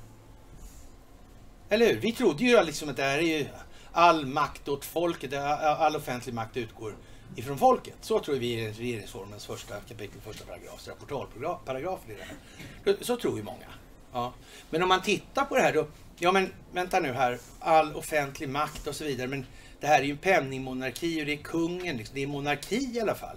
Ja. Och Socialdemokraterna har dessutom satt i, i sitt, eller sitt partiprogram att de ska ta bort den här jävla monarkin. Och har de hållit på då sen ja, i början på förra århundradet och de har inte kommit en millimeter ens. Och nu har vi till och med någon, en statsminister som råkar vara gift med den främsta experten på valutaregimen. Förvisso bara sju timmar. Och någonstans måste man ju säga att då vänder det ju.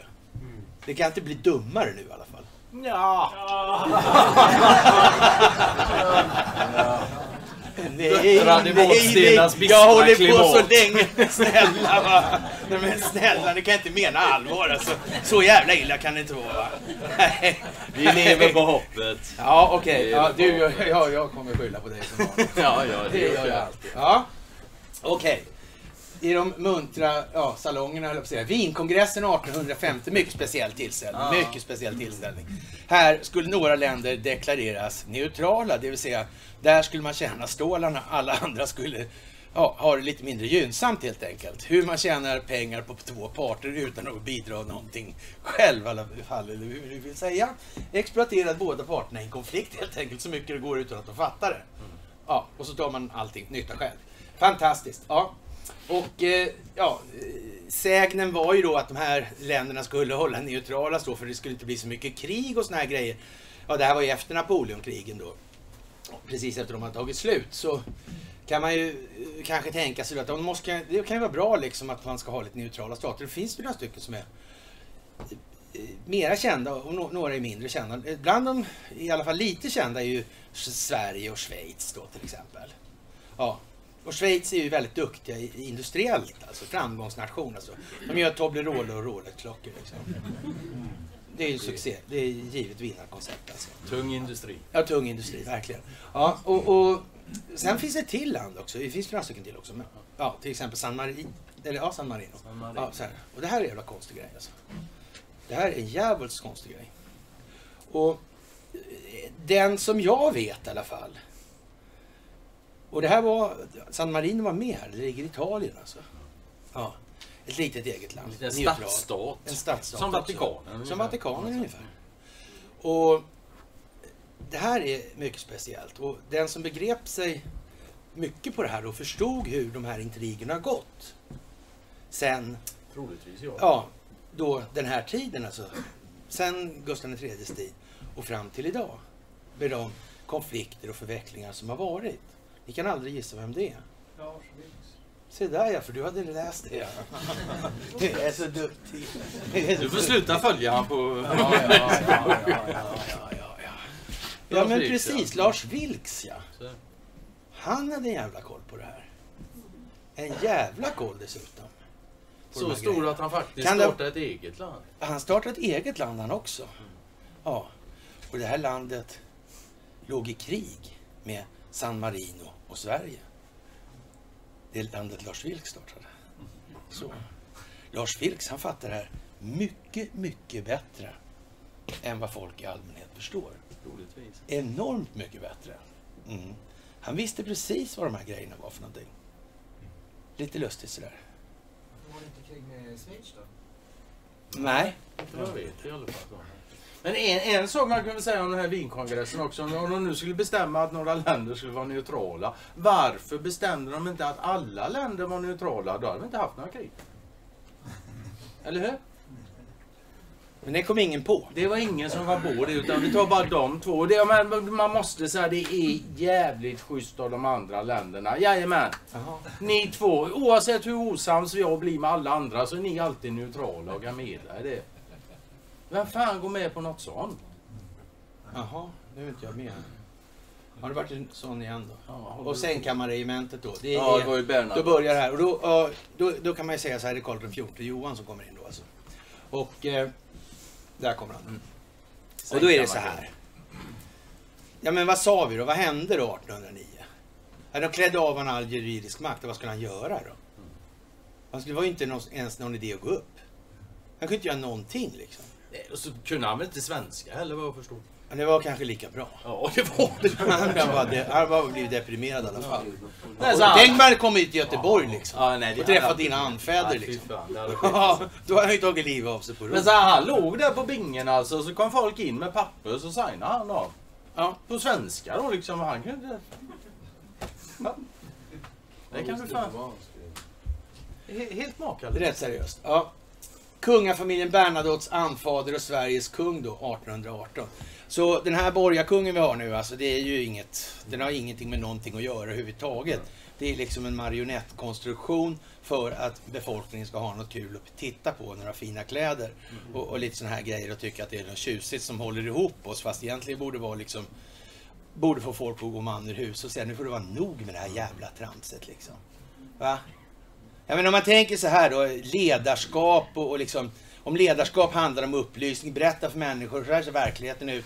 Och, och förstår ni det så får ni ta ställning liksom. Vad, vad, vad tycker ni är bäst liksom? Så, ja, så får vi jämka ihop oss efter vad vi själva tycker är en bra lösning på det här. Alltså det, vi identifierar ett problem tillsammans och, och tycker att det här är ju inte kanske så lyckat, vi måste göra någonting åt det. Och sen resonerar vi utifrån det och så tar vi fram. Men alltså vi måste förstå var vi är någonstans, vi måste förstå, förstå varför vi är här och vi måste förstå oss själva tillräckligt mycket för att göra det i förhållande till omvärlden. Och därifrån måste vi vidare framåt. Det är inte skitsvårt. Hur många av er tycker kungen gör ett sånt jobb? Svar, det var ingen alltså. Alla hånskrattade lätt liksom. Ja, han låg till sängs mest hela dagen och skötte sina regeringsåtaganden. Det vill säga undertecknade vad adeln hen helst ville. Så det var vänligt skrivet i alla fall, tycker jag. Och så sätter vi upp honom där.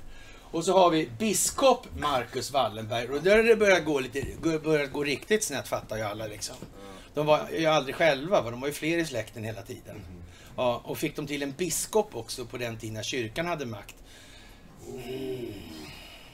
Det Stor, jord, stor, jord, stor jordägare liksom.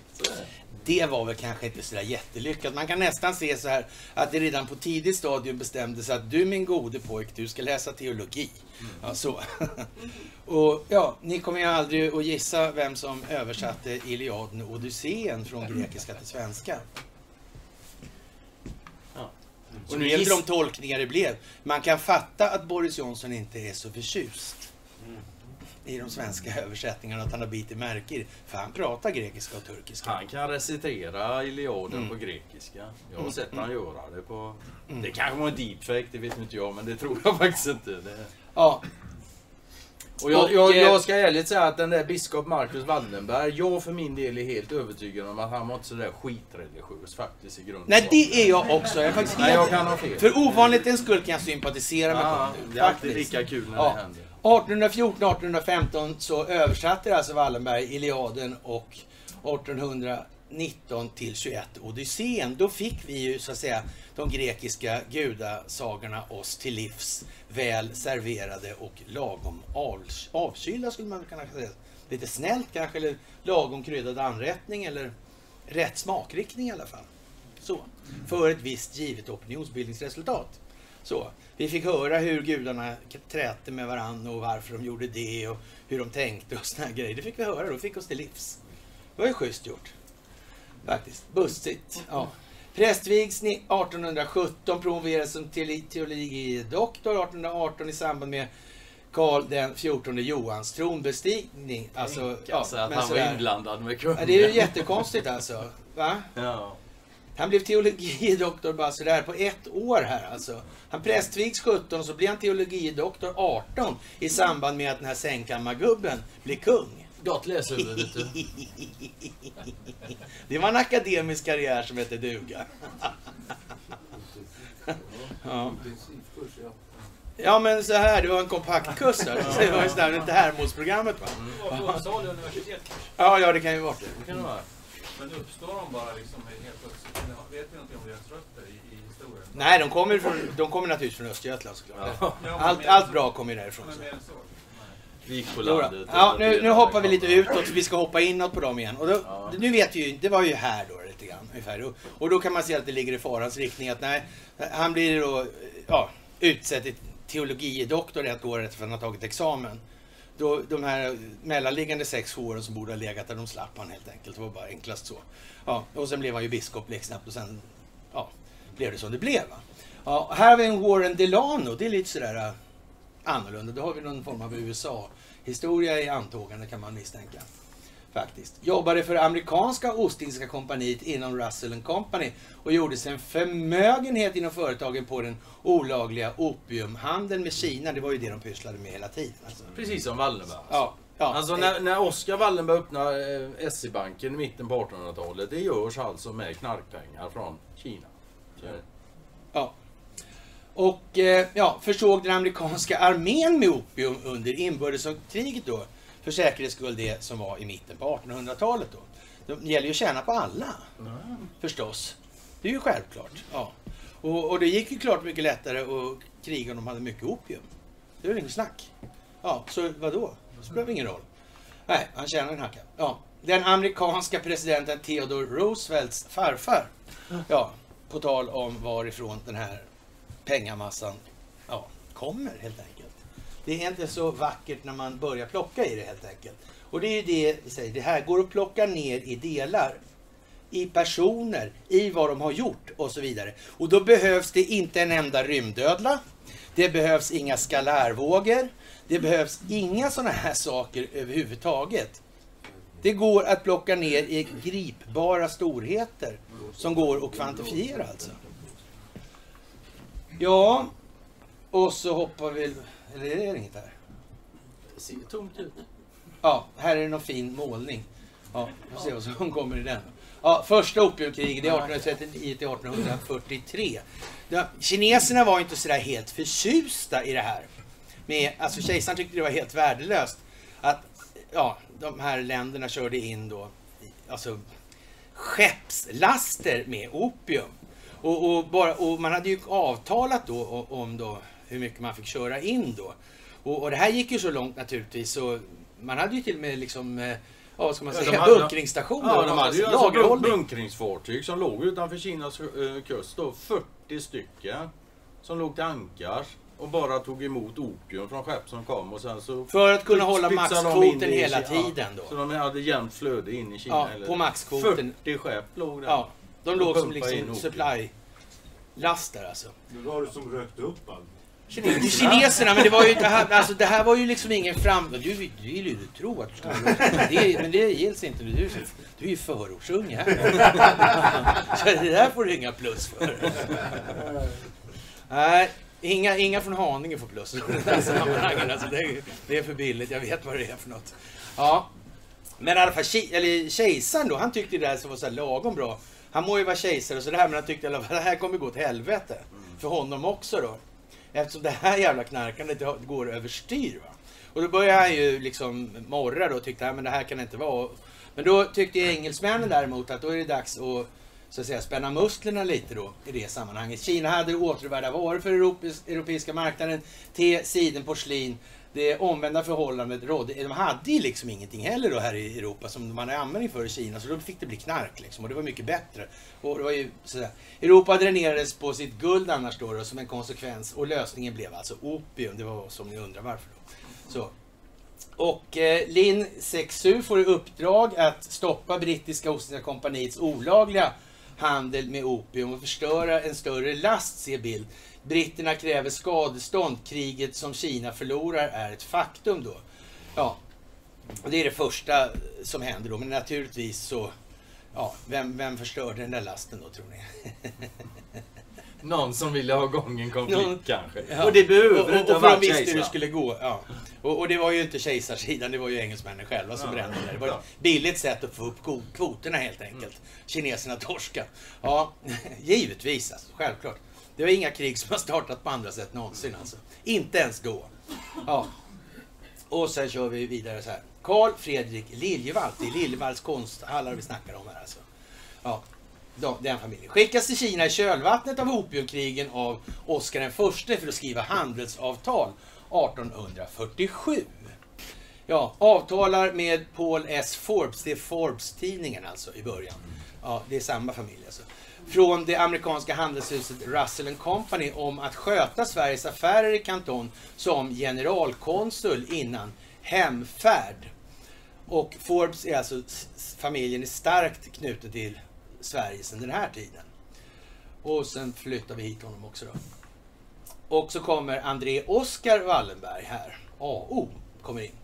Biskop Marcus Wallenbergs son. Grundare av Stockholms Enskilda Bank 1856. Det är det här som, pen, eller som Med knarkpengar. knarkpengarna alltså som är. Det är som det är nu här. Med banken som instrument byggde familjen Wallenberg upp unika, sin unika maktposition i svenskt näringsliv med maktposter i merparten av landets dominerande eh, industrier. Det känner ni ju till nu. Jaha. Och det, det vart ett andra opiumkrig också i det här. Det vart 46 då. Ja, och det tog slut, slut 47. Ja, och det här är ju lite speciellt alltså. Och mycket, eller rättare sagt lite märkligt. För engelsmännen vann ju så här. Då, det här handlar om, de här krigen handlar ju om att dra upp kvoterna helt enkelt. Man säger att kineserna är uppkäftiga, behöver liksom få på moppo, fick på moppo. Sen var inte kineserna så uppkäftiga och sen fick det bli flera kistor opium helt enkelt, på enklaste sätt. Man såg till att de ville ha mer, helt enkelt. Antingen de ville eller inte. Ja, men den lilla, lilla finessen som vi såg här. Den, nej vänta. Var den inte här? Här ja. Här är det ju. Här kommer det intressant. Det där. Det här är konstigt. Skickas till Kina i kölvattnet av opiumkriget. Ja, opiumkrig, vilka var det som krigade opiumkriget? Nej, det var England. Nej men det var ju inte Det var det. England. Det var England och Kina som krigade i opiumkriget. Inga andra. Det var engelsmännen och kineserna som krigade. Nu börjar det bli konstigt här. Och riktigt konstigt alltså. Helt otroligt konstigt är det. Det var två länder alltså, förutom England, som skrev opiumavtal 47. Det var tre länder alltså, förutom Kina, som skrev. Hur fan kom det sig? Det var ju bara engelsmännen som krigade. Och hur kom de andra länderna in på banan? Ja, det var Sverige och Norge. Men Norge var det inte mycket bevänt med. Det var ju svenskt. Så vi körde väl dubbla kvoter kan man anta då. Såklart. Säkerhets skull. Ja. Och det är jävla Hur hyggligt av kommer det sig av, engel, av engelsmännen? Alltså, hur kan de vara så här hyggliga? Förklara det Ja, för ja, mig. ja. Du, som är, det- du det- är från hojsvängen och det. förstår såna här Nej, grejer. jag kan inte förklara det. Ja, däremot så sånt tycker jag det är jävligt hyggligt. De utkämpar ett krig, får skriva ett avtal, så kommer Sverige vi också skriva avtal. Jajamän. Ta med, ta med bro, lillbrorsan Ja, också. ta med ett land till för fan. Ja, ta med lillbrorsan fan också. Det är lugnt. Var det inte då de går på preferensaktierna också? Nej, vad, nej, nej, det, nej, det var nog 1850-60 där någonstans. Så det, det är liksom... Visst, det, nej, men det är samma gamla vanliga. Så. Ja, det är André Oskar som kör igång det där också. Ja. Och här då, Krimkriget 1853 till 65. Det här är liksom parallellt då går det här då tokeriet med danskarna och det här tjafset man håller på med nere i Schleswig-Holstein. Och ja, vad heter den här serien nu? 1863 tror jag den heter. 1860 någonting. Och då, då kör man det, det första storskaliga opinionsbildningsprojektet. Så man, alltså verkligen man tar en hel befolkning och kör på dem stenhårt. Så danskarna då tycker att lilla, alltså Danmark snackar vi om nu alltså. Det är i Danmark. Så alltså. Ja. Kommer, den danska befolkningen är fast i sin förvissning att det är liksom ett framgångsuppdrag att mucka gräl med Tyskland. Och de gör det liksom. Ja, och, då, och det går så långt så att den danska befolkningen har också uppfattningen att det är värt att offra halva den danska armén. Bara för att visa att en dansk kan bita ihop. Men då kan man snacka om mindset alltså. Det är ändå lite speciellt. De hade trissat och trissat och trissat. Befolkningen trodde stenhårt på det. Det går 12 stycken tyskar på en dansk. Det är bara så liksom. Han har inte ens vapen, det spelar ingen roll. Han är en dansk. Så. Det- gick inte så bra kan man säga. Det kan man ju säga i alla fall i efterhand. Ja. Tsar Nikolaj hade länge haft för avsikt att erövra Konstantinopel och nu var det dessutom viktigt att kontrollera öppningen till Svarta havet för att där kunna exportera varor från Kaukasus, Kaukasus och Ukraina. Efter Greklands frigörelse från osmanerna var riket på väg att falla sönder. Tsar Nikolaj träffade därför Storbritannien och Frankrike och föreslog att de skulle dela upp det svaga Osmanska riket mellan sig. Men västmakterna sa nej till detta. Istället vänds kanonerna mot Ryssland. Då. Ja, och sen är det då sådana här färgglada bilder. Spansk-amerikanska krig, det här ligger också i de här faggorna då. Och det är naturligtvis riggat skit det också. Och eh, ja, efter åratal av spanskfientlig propaganda i USA från exempelvis journalisten Joseph Pulitzer har ni hört talas om. Den famösa, det här famösa priset som man kräver att de ska lämna tillbaka.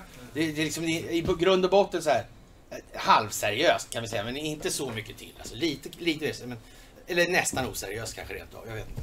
Ja. Som ideligen kritiserade spanska styret på Kuba. Kuba är alltså ett jävla fiasko det också naturligtvis. Det har aldrig varit någon kommunistdiktatur på det sättet.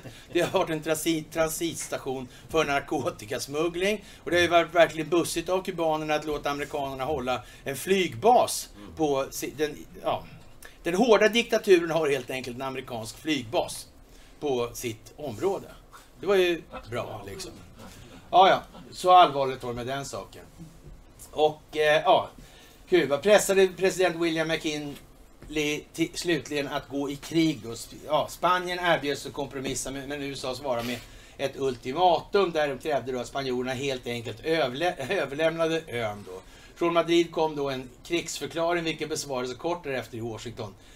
Ja, den officiella stämningstagandet sades vara Kubas frihet det mer sannolika kontrollen över Panamakanalen som höll på att grävas ner. Alltså det här är ju, Kuba ligger ju så till, då har man ju liksom flödena är ju det som gills. Alltså Panamakanalen, det är ju en strategisk förträngning. Den är ju lätt att kontrollera. Den är ju smal och bra liksom. Ja.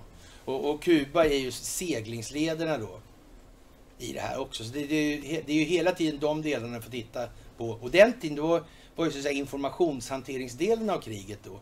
Det var ju lite annorlunda. Kriget fördes på lite annat sätt. Då var ju till exempel det här med den kinetiska militära verksamheten hade ju betydelse på riktigt. Nu har den ju noll betydelse. Nu är det som betyder något, det är vad befolkningen tycker. Får man opinionen med sig kan man göra vad fan som helst. Har man den emot sig, då sitter man där man sitter. Och eh, ja, här tvingas hur som helst Kuba till att upplåta Guantanamo Bay till USA enligt Plattavtalet författade av republikanska senatorn Orville Platt då, som därefter gällde som Kubas konstitution mellan 1901 och 34. Det här är ju liksom, det är ju den här gangsterverksamheten alltså. Och ingenting annat. Och det kan, här kan vi ju se då hur det här ser ut. Här ligger då Kuba och det är ju liksom om, du har, om man har Panama här nere. Ja, då, om, man, om man ska hitåt då, då eller, eller så. då Så är- har du Colombia här, Ja, och, och här har vi då Latinamerika och vid den här tiden då har grabbarna grus redan satt spaden i där då om vi säger. Då har man redan börjat med telefonerna i den delen av världen. Så där är det liksom så att säga kört då.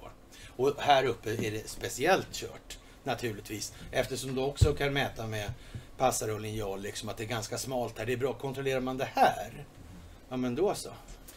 Colombia som ligger där som ni ser. När etablerade sig Ericsson där? 1890-talet. Det var inte igår det. Det är en kvart innan telefonen Knarkkungarna har inte kunnat ringa ett enda telefonsamtal under hela sina livstider utan att de varit avlyssnade av Ericsson. Och sen var det väl kanske inte... Du kan ju fatta hur länge innan de kom på det.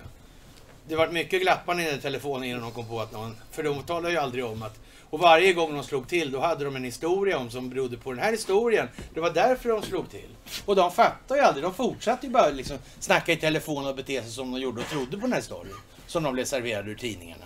De körde ju runt med dem hur lätt som helst. Hur lätt som helst.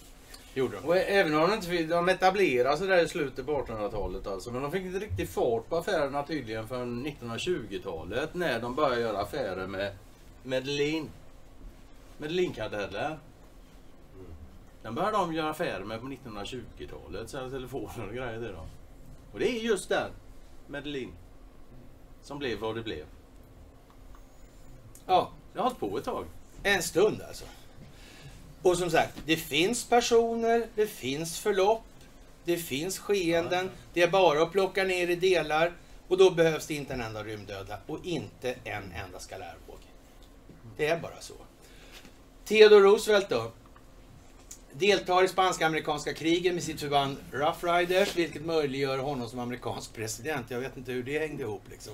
Men man förstår ungefär. Det kanske, det kanske var någon som gjorde lite propaganda om hans insatser, oavsett vad det nu var för några insatser. Ja, så kan man ju säga. Efterträder president William McKinley efter att denna har blivit mördad. Blev det han. Vilken otur för honom att han blev Vilken mördad. tur att det fanns en ny som kunde ta över då. Det, ja, som det slumpar sig. Ja, han var som gjord för att vila i frid, som man så vackert säger. Ja. Naturligtvis.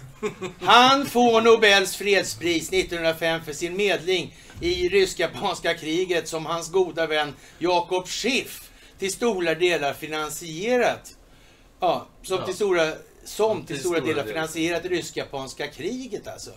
Ja, ja, ja, ja, ja, ja, ja. Ja, ja visst. Schiff är ju en gammal bankfamilj. Familj, ja precis. Och, och den som, de, de hade ju en japan naturligtvis här som var på plats då, en finansminister, Takahashi hette han. Och han, han var ju ganska så här, han, han var uppfinningsrik och kom på såna här västerländska trick. Så han kom till exempel på krigsobligationer och såna här grejer då. Så, och de här japanska staten gav ut de här krigsobligationerna. Det fanns ju välvilliga amerikanska banker som ja, köpte de här obligationerna helt enkelt. Så här. Och sen var han, då den japanska staten var som var på något konstigt vis skyldiga pengar med en ränta som alltid växte liksom. Så det blev bara mer och mer skuld så här, på något konstigt vis. Och, men de var ju lite nöjda de här som styrde. De fick ju såna fina utmärkelser av staten i Sverige då. De fick ju såna här Serafimerordnar, kejsarna då. Så det var ju bra då ändå kanske. Eller så. Men det var, verkar vara som, ja som sagt, får Nobels fredspris. Det, det är nog Sverige det också va? Jag tror det. Jag tror det. Ja. Det är lite så. Gustav, Erik Gustav Boström. Sveriges statsminister 1891 till 1900 och 1902 till 95 samtidigt som de fyras gäng.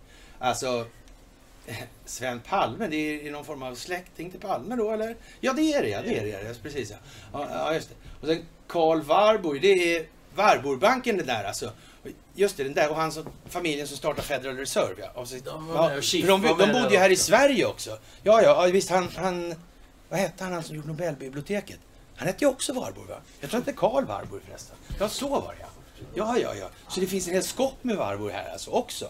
Ja, ja, men de kände inte någon annan. Även om de råkar sitta tillsammans med Sven Palme, Karl Warburg, Arvid Lindman. Arvid Lindman det är han Ja, som delar ut pengar till Lenin när han ska åka och göra revolution.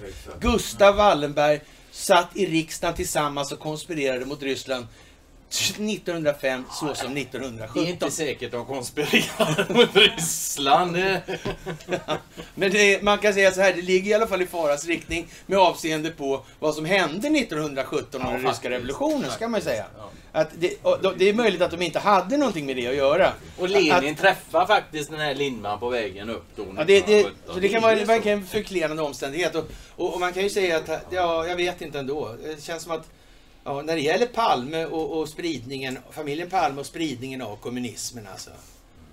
Jag menar, det är väl ändå så det här med vem införde egentligen kommunismen i, i Indien till exempel. Vad hette han i efternamn? Dutt. Han, ja, det han tog ett litet dutt också. Ja. Ja, ja, men Han han hette, han hette faktiskt. Palme. Palme Så, Dutt. ja. ja. Så tråkigt var det.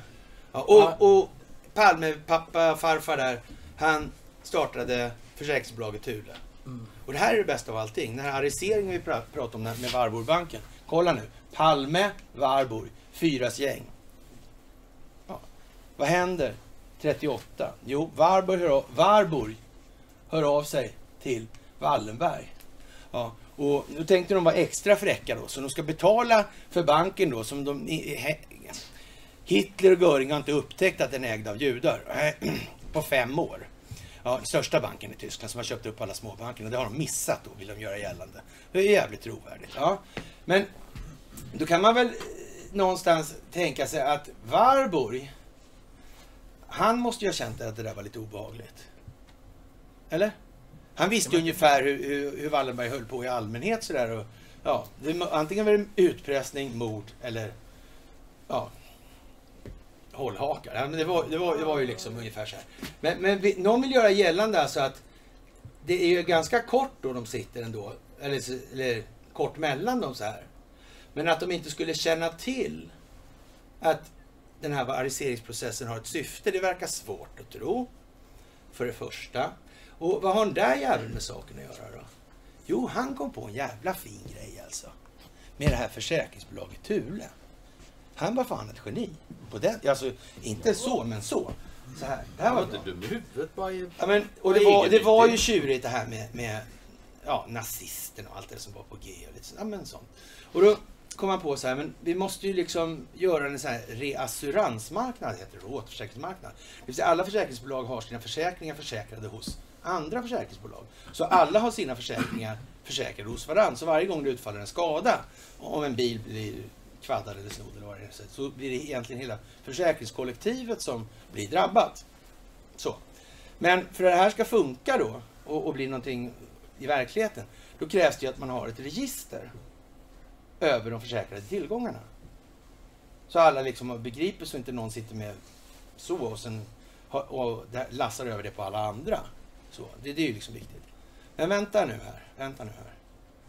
Om man ska göra en sån där plundringsrädd liksom och säga att tyskarna eller nazisterna är helt galna. Och nu ska de roffa åt sig allt av värde. Och ja, sådär. Vad är bättre att ha då än ett sånt egendomsregister? Då vet man ju var pengarna finns. Då vet man var de försäkrade tillgångarna finns. Men vänta nu här. Skulle det ha kunnat vara själva syftet med den här reassuransmarknaden? Så? Men vänta. Den här Palme, han sitter ju tillsammans med de här gubbarna. Och den här familjen i alla fall, det var jättesäkert att det var de som den där familjen vände sig till. I det här, för de, de kände ju redan varandra. Det är väl inte så att de har suttit och kommit överens om det här och göra på det här viset. Så kan det väl ändå inte vara. Det vore väl för jävla nesligt. Va? Fräckt. Någon borde ju ha sagt något. Eller hur? Ja, Ja. han var i alla fall farbror till Eva von Bahr, väninna till Lise Meitner, atombombens upp, eller rättare sagt kärnklyvningens upphovskvinna. Hon satt i Ljungaverk och spjälkade uran. Hon hade en systerson som uppfann ja, tekniken för primärladdningen för atomvapnet. Atomvapnet i sig var förutsättningen för uppkomsten av det kalla kriget. Utan bomberna i Hiroshima och Nagasaki så hade vi aldrig varit rädda för kärnvapen överhuvudtaget. Och vi vet fortfarande inte egentligen vad den här strålningen är för någonting. På det viset. Vi vet ju bara det tidningarna serverar för oss. Och så här dags i den här verkligheten och i den här tillvaron så vet vi att det har hänt två till fyra gånger att tidningarna har ljugit om något.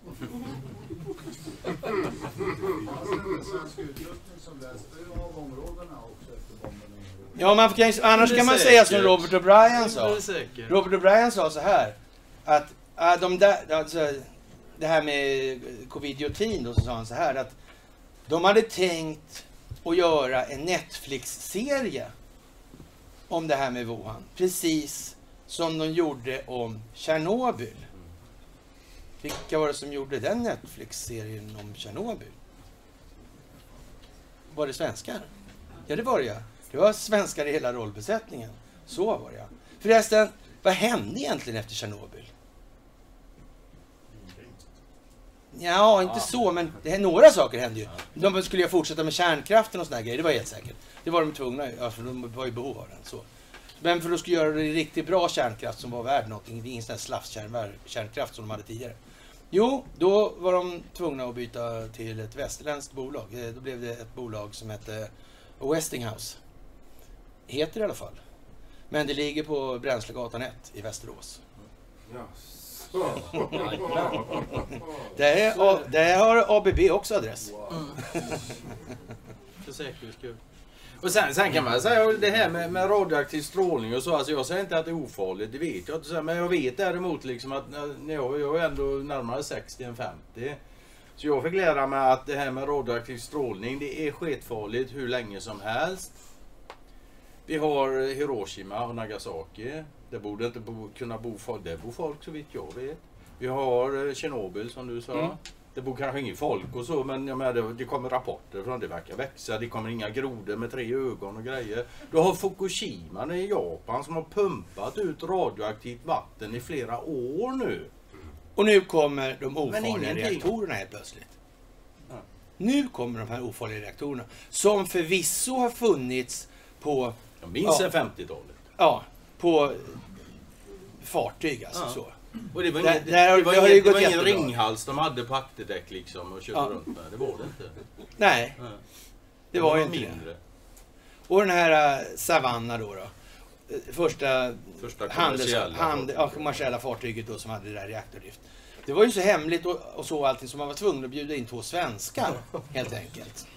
Bara så, de bara bjöd in Ja men, ja men eller hur, man bara, ja men, bara, ja då, ja då, det, men eller hur liksom. Titta här kommer det svenskar också, av alla sorters nationaliteter. Då kommer de här rekorderliga ingenjörerna här in på banan och sessorna står och viftar på kajen liksom. Va? De neutrala. Det är ju bara så jävla bra liksom. Ja, och då var det ju då, ja, om det var 250 000 eller 200 miljoner. Det var ju så här, det skulle ju vara så länge innan det där gick och så. Men så vart det ju inte riktigt sådär. Och när ryssarna ändå hade börjat skruva ner sina atomubåtar efter kalla kriget och, och, och det gjorde de ju liksom, det var ju gubbarna i badbyxor liksom, stod de med vinkelkapen liksom. Och det dog inte överdrivet många i radioaktiv strålning om man säger som så då. Ja, då sänkte de ju upparbetningstiderna på ja, Savanna och de här lite grann. Så det gick ju från några miljoner år eller 200 000 år. Det var många tusen år. Det var massor med år liksom. Ja, det var det 50 år då. Så, så fick ta ner det ordentligt liksom. Sen så, ja, när det där har hållit på någon stund då liksom. Så de höll ju på med den där upparbetningen. Och så här, det är 10 år. 10 år, 10 år liksom. Okej, okej, det är 10 år nu alltså sådär då. Mm. Så det är liksom svårt att säga vad de egentligen menar här. Men det verkar som de har liksom Ja, de efterhand är det nya forskningsrön som visar att det inte är fullt så farligt som de har gjort gällande tidigare. Det kan ju ha varit andra anledningar till att de har åldersrätts farligt. Det vet man ju inte. Faktiskt. Nej det är just det, vi vet ju faktiskt inte. Nej, men det är ju Men sagt. helt uppenbart att det inte är så farligt som det var sagt från början. Ja. Så mycket kan man säga.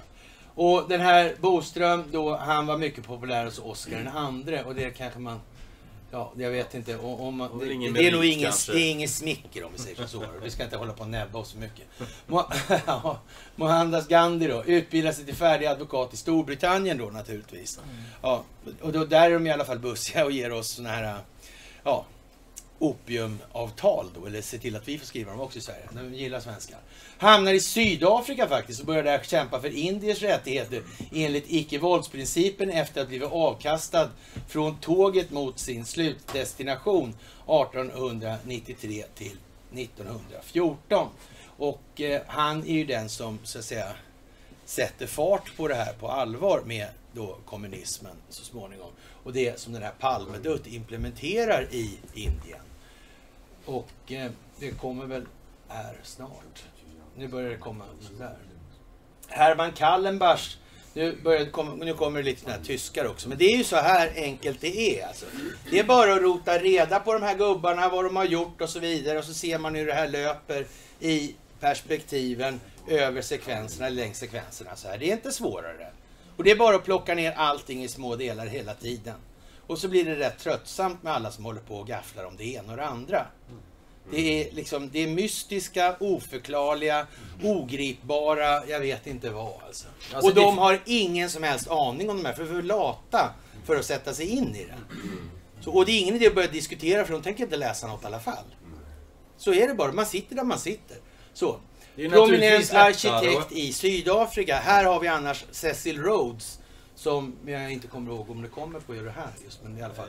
Ja, den här i alla fall, Herman Kallenbach är stor landägare i Sydafrika. Skänkte marken Gandhi höll till på, ja, och Tolstoj Farm då. Det låter lite eh, ryskt ja. nästan va? Är inte det liksom något sådär? Ja, men så. Där de tillsammans plockade fram icke-våldsprincipen efter 1904. Parallellt med det här då, när de här håller på med det här, då håller man ju på med det här och starta upp det rysk-japanska kriget. Då är Takahashi och Schiff i full fart och dessutom håller det här gänget på att försöka göra första ryska revolutionen samtidigt som det här rysk-japanska kriget. Så man vet ju liksom, om man, man kopplar bara över så och ser vad håller de på med på andra kanten då? Och det är bara att titta där. Och det här är alltså samtidigt som geniet Wallenberg då, Gustav Oskar Wallenberg det va? Som startar då det här rederiet Ostasiat och de får ju väldigt förmånliga helt enkelt avtal. Och det viktigaste med Ostasiat- Ostasiat var att det inte förknippades med de Ostindiska kompanierna. De höll verkligen inte på med så tvivelaktig ah, verksamhet. Det var tyvärr samma personer och så inblandade. Det var Heckscher och så vidare och Wallenbergs och det var Dickinson och hej och hå då liksom. Men eh, ja, de höll ju på hela tiden överallt. I, alltså, det är bara, bara att dra ut i de andra perspektiven. Vad gjorde de då samtidigt? Vad hände? Ja, och det blev ju jätteframgångsrikt. Jo, och då skrev han då ett nytt avtal och efter de gamla opiumavtalen skrev Wallenberg ett, det var, han var den första västerländska diplomaten i Asien, eller bortre Asien i Japan. Då. Av en händelse. Och hängiven sionist under andra världskriget. Det var så här att den här Cecil Rhodes jag just berättade om. Han var den som finansierade Theodor Herzl. Och Cecil Rhodes, han tillhör det här gänget alltså. Alltså det här med sionister och politiserad judendom. De är liksom lite längre ner på näringskedjan. På det viset i sådana maktsammanhang. De har liksom inte det, den kraften om man säger. Det duger inte med besvärjelser och, och mystiska böcker och rökelser och ritualer och trollspön och vad fan det är för någonting. Det biter skitdåligt mot underrättelsetjänster, fysiskt våld och så vidare i de här sammanhangen. Helt värdelöst helt enkelt. Och nu då? Cecil Rhodes, han kommer ju här. Ja, och det här är, det här är grisarnas gris alltså. Verkligen. Ja. Han uppfann necklacing till exempel som tortyrmetod till exempel. Man tar ett gummidäck, lägger runt huvudet på någon, tänder på och sen är det bara att vänta på att de frågar vad vill du jag ska berätta. Så. Ja, här hände jävel på det i alla fall. Brittisk finansman och kolonialväldespolitik. Grund, ägare till guld. Det är Beers diamanter till exempel i handen. Och, och, ja visst. Och, och Rhodes. Alltså Rhodes, det är Rhodesia. Det är hans land alltså. Rhodes alltså. Det är Rhodesia Rhodes det här alltså. Och han sa Det- det, det är det liksom- rätt upp och det ner. Det, liksom- finns ett citat ifrån när jag föredrar land framför negrer. Ja. Rätt upp och ner. Det var ingen människoälskare Mm. det är det inte. Ja, men det är ju ett jävla fint umgänge de har grabbarna här, alltså Palme och mm. Eller hur? Absolut. Stå här och kackla om det ena och det andra. Men ja, fan, hur var det här nu? Har det där verkligen gått över? Det är inte läpparnas bekännelse nu bara? Eller hur fan är det här egentligen? Okej. Skapade för... Alltså precis, här kommer det där. Skapade företaget De Beers Diamanter. Och det är därför man aldrig behöver kolla på de här innan man tar dem. För man vet vad det egentligen kommer det. Så det, även om man inte har gjort en enda av de här själv. Alltså, är, man behöver inte ens läsa dem innan, man vet bara att det är så här kommer det nu. Ja, men i alla fall, avsatte en stor del av sina pengar till att försäkra hur England skulle förbli ett storvälde. Däribland ingen mindre än Theodor Herzl då, som jag just pratade och hans strävan för en judisk stat i Palestina. Och vad är det som är så jävla konstigt med det där då, tycker ni? Det tycker ni inte är något konstigt egentligen. För vad, vad är det så jävla viktigt med en judisk stat i Palestina? Vad har det med den här att göra? Varför intresserar sig en sån lirare för något så jävla töntigt och tramsigt? Som en politiserad religiös stat för en, minori, alltså en marginalreligion. Som kallar sig för Varför, vad fan kommer det sig? Jo, det har att göra med det strategiska läget, den strategiska förträngningen. Kolla här. Titta hur fan det ser ut här. Ja, titta hur det ser ut här. Ja, och titta, här ligger något stort så här. Det kallas för Afrika. Det är en liksom stor pryl. Stor. Ja. Smalt. Sådär, ja.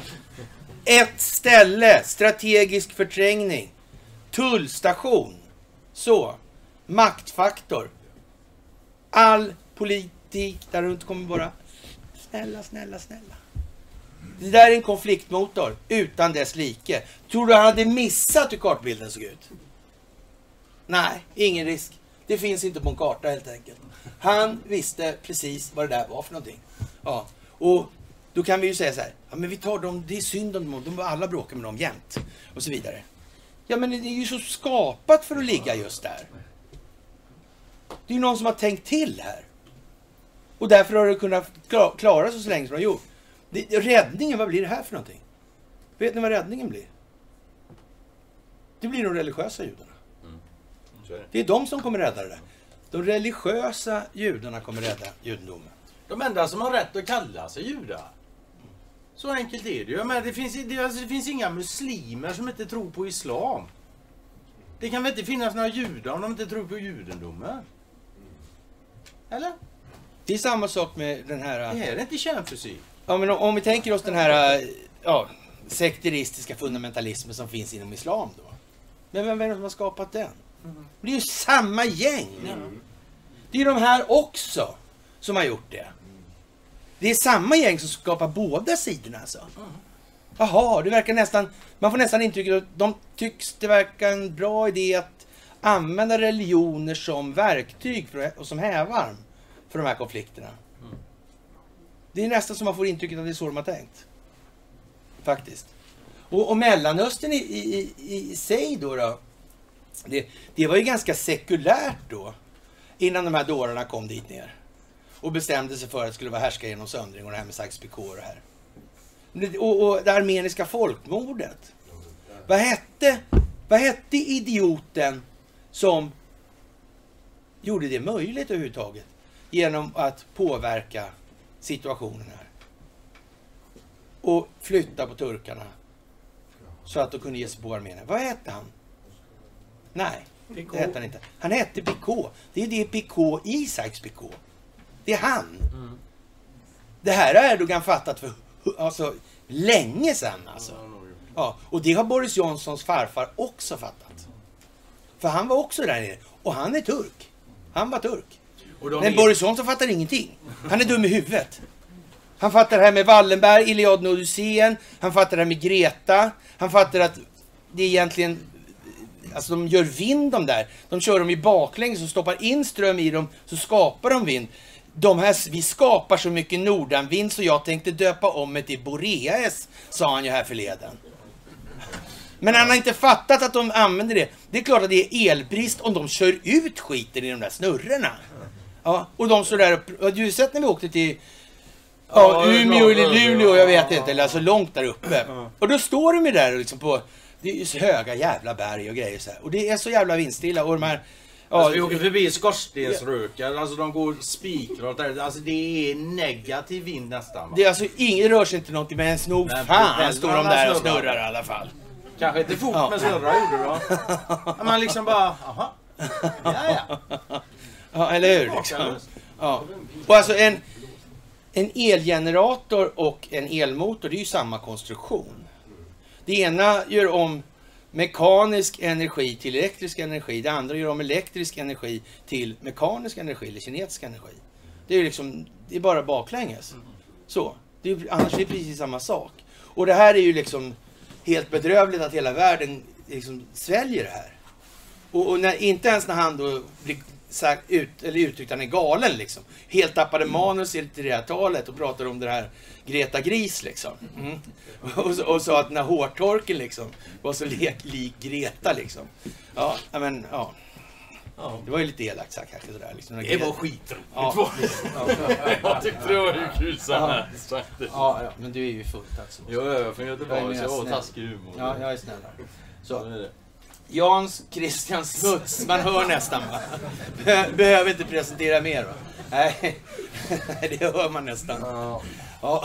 Sydafrikansk general och politiker som var premiärminister 1919 till 24 samt 39 till 48. De här grabbarna, de går inte av för hacker alltså. Betalt, vet du som man vet Bank of England-chefen till exempel. Han sitter ju på fyra års mandat. Och därför den här Montague Norman Ring, eller Montague Norman då, som kollet egentligen, men då är det ring. Det är en kolvring. Så det är därför det blir så. Det är själva ordleken. Men i alla fall, han, han, han satt ju då lite längre då. Han satt ju från 20 till 44. Det är ju liksom lite längre än en fyra år, men nej, inte så mycket. Sådär. Ja, och, och, ja. och han var ju den som såg till att, eh, ja, utåt sett i alla fall, etablera de krediter som nazisterna använde för upp, eller upprustningen av sin krigsmakt. Det var ju liksom det var ju engelsmännen som gjorde det alltså. Deras Bank of England-chef. Ja. Men, eh, ja, men det, det talar de inte så högt om liksom, på det viset. Nej, men alla vet ju ändå att det är så. så det, alltså som insatta, de vet ju redan att det är så. Tolken visste att det var så. Ja, ja, ja, det är många som visste att det var så. så det, ja. Och eh, juridisk rådgivare åt Cecil Rhodes då, då vet vi var vi är på väg i alla fall. Och, sådär. Ja. och god vän med Winston Churchill. Och man kan säga så här att i de här faggorna någonstans, eller här någonstans ska vi säga, då vet vi i alla fall en sak är helt säker. Det finns en advokatbyrå som heter Sullivan Cromwell då, den finns fortfarande. Och senast de kom i ropet, det var väl när då den här Josef Tsai, som han är medgrundare till Alibaba. Och eh, den här Josef Tsai träffade ju Jack Ma då sådär, och kom på den här fina idén vi ska bilda Alibaba istället. Josef kom ju från den här ja, Sullivan Cromwell då. Och, och så hade han fått ny, och ny, jobb på en ny firma då. Innan, när han kom på den här idén, han hade ju 800 000 dollar om året då på den här firman han jobbar på. Så kom han på att han skulle starta Alibaba då. Och, och, och då skulle han få 500 dollar om året istället. Men det var det värt. Då. Så han tog det jobbet direkt och gick från den här. Men det, det var jävla flyt gjort ändå. Va? Och, och, för, för den där hamnade på Nasdaq och sådär grejer. Och det var jävla lätt att komma in där. Och, och värsta flytet hade de med kurserna. Och handeln och så, här, så var aktie, aktiekurserna de bara som fan liksom. Ja, och, och, och ja, jävla grabbarna, det blev fan dyrt det där företaget. Alltså, man inte kommit igång med sin verksamhet. Men det löste sig sen när de hade stålar. Så det var ju naturligtvis bra sådär. Men, men vad var det för företag han kom från? Vad hette det? Investor, ja precis. Som av en händelse. Det är Sullivan, det är Sullivan Cromwell. än så. Och de som också var med och ägde Sullivan Cromwell, Sullivan Crom- Cromwell då, det var de här bröderna Dall då. då. Den ena blev ju utrikesminister och den andra blev CIA-chef. CIA-chefen fick ju spa- sparken för den här historien med Kuba och Grisbukten. Han fick sparken av Kennedy. Ja, och Kennedy blev ju mördad sen i Dallas, det var 61. Och sen Kennedy blev mördad 63. Och, men någon ska ju se till att mordutredningen blir liksom värd namnet så det inte blir som Estonia-utredningen eller Palmeutredningen eller sådär. Det måste ju vara en eh, riktigt oberoende, fast amerikansk utredning. Så chef för tillsynen i det här, i den här Warren-kommissionen, det blir ingen mindre än Allen Dall, han som har fått sparken av Kennedy. Men ändå, är inte det lite tjusigt gjort? Va? Det är väl speciellt? Nästan svenskt skulle man kunna säga. Eller också kan man säga så här. De kanske hade fått inspiration, eller råd kanske till och med, rent utav. Eller kanske till och med hot. Ja, ja sådär. Man skulle kunna tro det i alla fall. Hur som helst, Smuts och Gandhi-överenskommelsen. Ja. The Indian Relief Bill of 1914 gör Gandhi till rikskändis i Indien som frihetskämpe som han därefter återvände till. Han var rikskänd där innan han hade åkt dit ens. Det var inte något annat än medierna som skötte om den saken och jag antar att det var väl Gandhis medier då i så fall. Det var väl inga ägardirektiv styrda opinionsbildningsmedier, det kan väl ingen tro? Va? Nej, nej men precis. Det är helt självklart att det inte var faktiskt. Ja, det börjar bli en lite fin liga här nere. Så här, Evard ha, eh, Hambro är bra Hambro. namn Nu, nu, börjar vi, ja, vi bara, uh, uh, uh. I backend på det, alltså där finns det Maxwell. Så är det bara. Mm. Ja, det här är liksom... Här har vi då Ghislaine Maxwell och vi har Epstein framme idag alltså så. Mm. Men det är hit bak det ska. Helt säkert. Brittisk bankir och misantrop. Nu vet jag inte. Ah, det där, det där, det är Marcus som ska skoja här nu alltså. ja. ja. Och, jo men jag har hållit det här en gång förut fast då fick jag det här, den här delen, den höll jag aldrig. Det var, det var så tid på slut i Skåne då. Eller slut på tio. Ja, misantrop vars far var dansk immigrant som grundade bankdynastin. Han var dansk också. Det vill säga, han var svensk. Så. I de här sammanhangen och de kretsarna så var han svensk helt enkelt. Ja, Han lud under samma regim han. Ja, men så var det ju faktiskt. Ja. Satt i styrelsen för Bank of England mellan 1879 och 1925. Men det är klart han var ju Medgrundare till Bank of India för säkerhets skull. Nu börjar ni se ett mönster här alltså. Ja. Och sen sonsonen Charles Hambro slår sedermera ihop sin bank med Wallenbergs British Bank of Northern Commerce 1921. Vad fan, då kanske de kände, det, ja, det tror jag inte. Nej, Nej. okej. Men de kan ha känt varandra alltså. Det kan inte uteslutas att de kände varandra när de slog ihop bankerna. Eller hur? De kanske lärde känna varandra just då. Ja. ja, ja, precis alltså. De kom på möttes på gatan. Ja. Hej, äger ni Har bank? du också en bank? Nej, ni man. Det var Ja, ni var man på den tiden. Har ni bank? Ja. Västerbro. Skulle vi kunna göra affär? Ja, ja. men det, så kan det ha varit. Det Det vet, man vet så. aldrig det. Så, alltså det. Ja, men som sagt. Det, det finns personer, det finns förlopp Mm. och hela tiden. Och sen behöver man inte alla de här eh, konstiga, obskyra varianterna. Det är, ja. Den här har ni väl hört talas om i alla fall. Winston Churchill. Handelsminister 1908 till 10, inrikesminister 10 till 11, marinminister 11 till 15, 39 till 40, minister för krigsmateriel 17 till 19, krigsminister 19 till 21, kolonialminister 21 22. Och eh, ja, brittisk premiärminister 40 till 45 och 51 till 55 skickar admiral Edmund Slade till att köpa upp 51 procent i det anglo-persiska oljebolaget 1913, dagens Shell.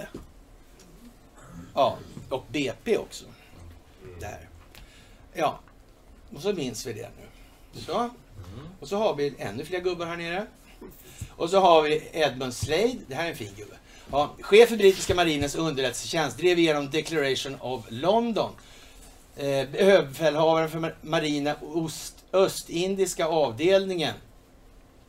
Och han eh, kommer tillbaka i andra sammanhang. Det, det är en, en riktigt bra gubbe, eller dålig gubbe menar ja. Är bra Madeleine- på att vara dålig. Ja, Madeleine Slade, dotter till, här kommer avkomman då alltså.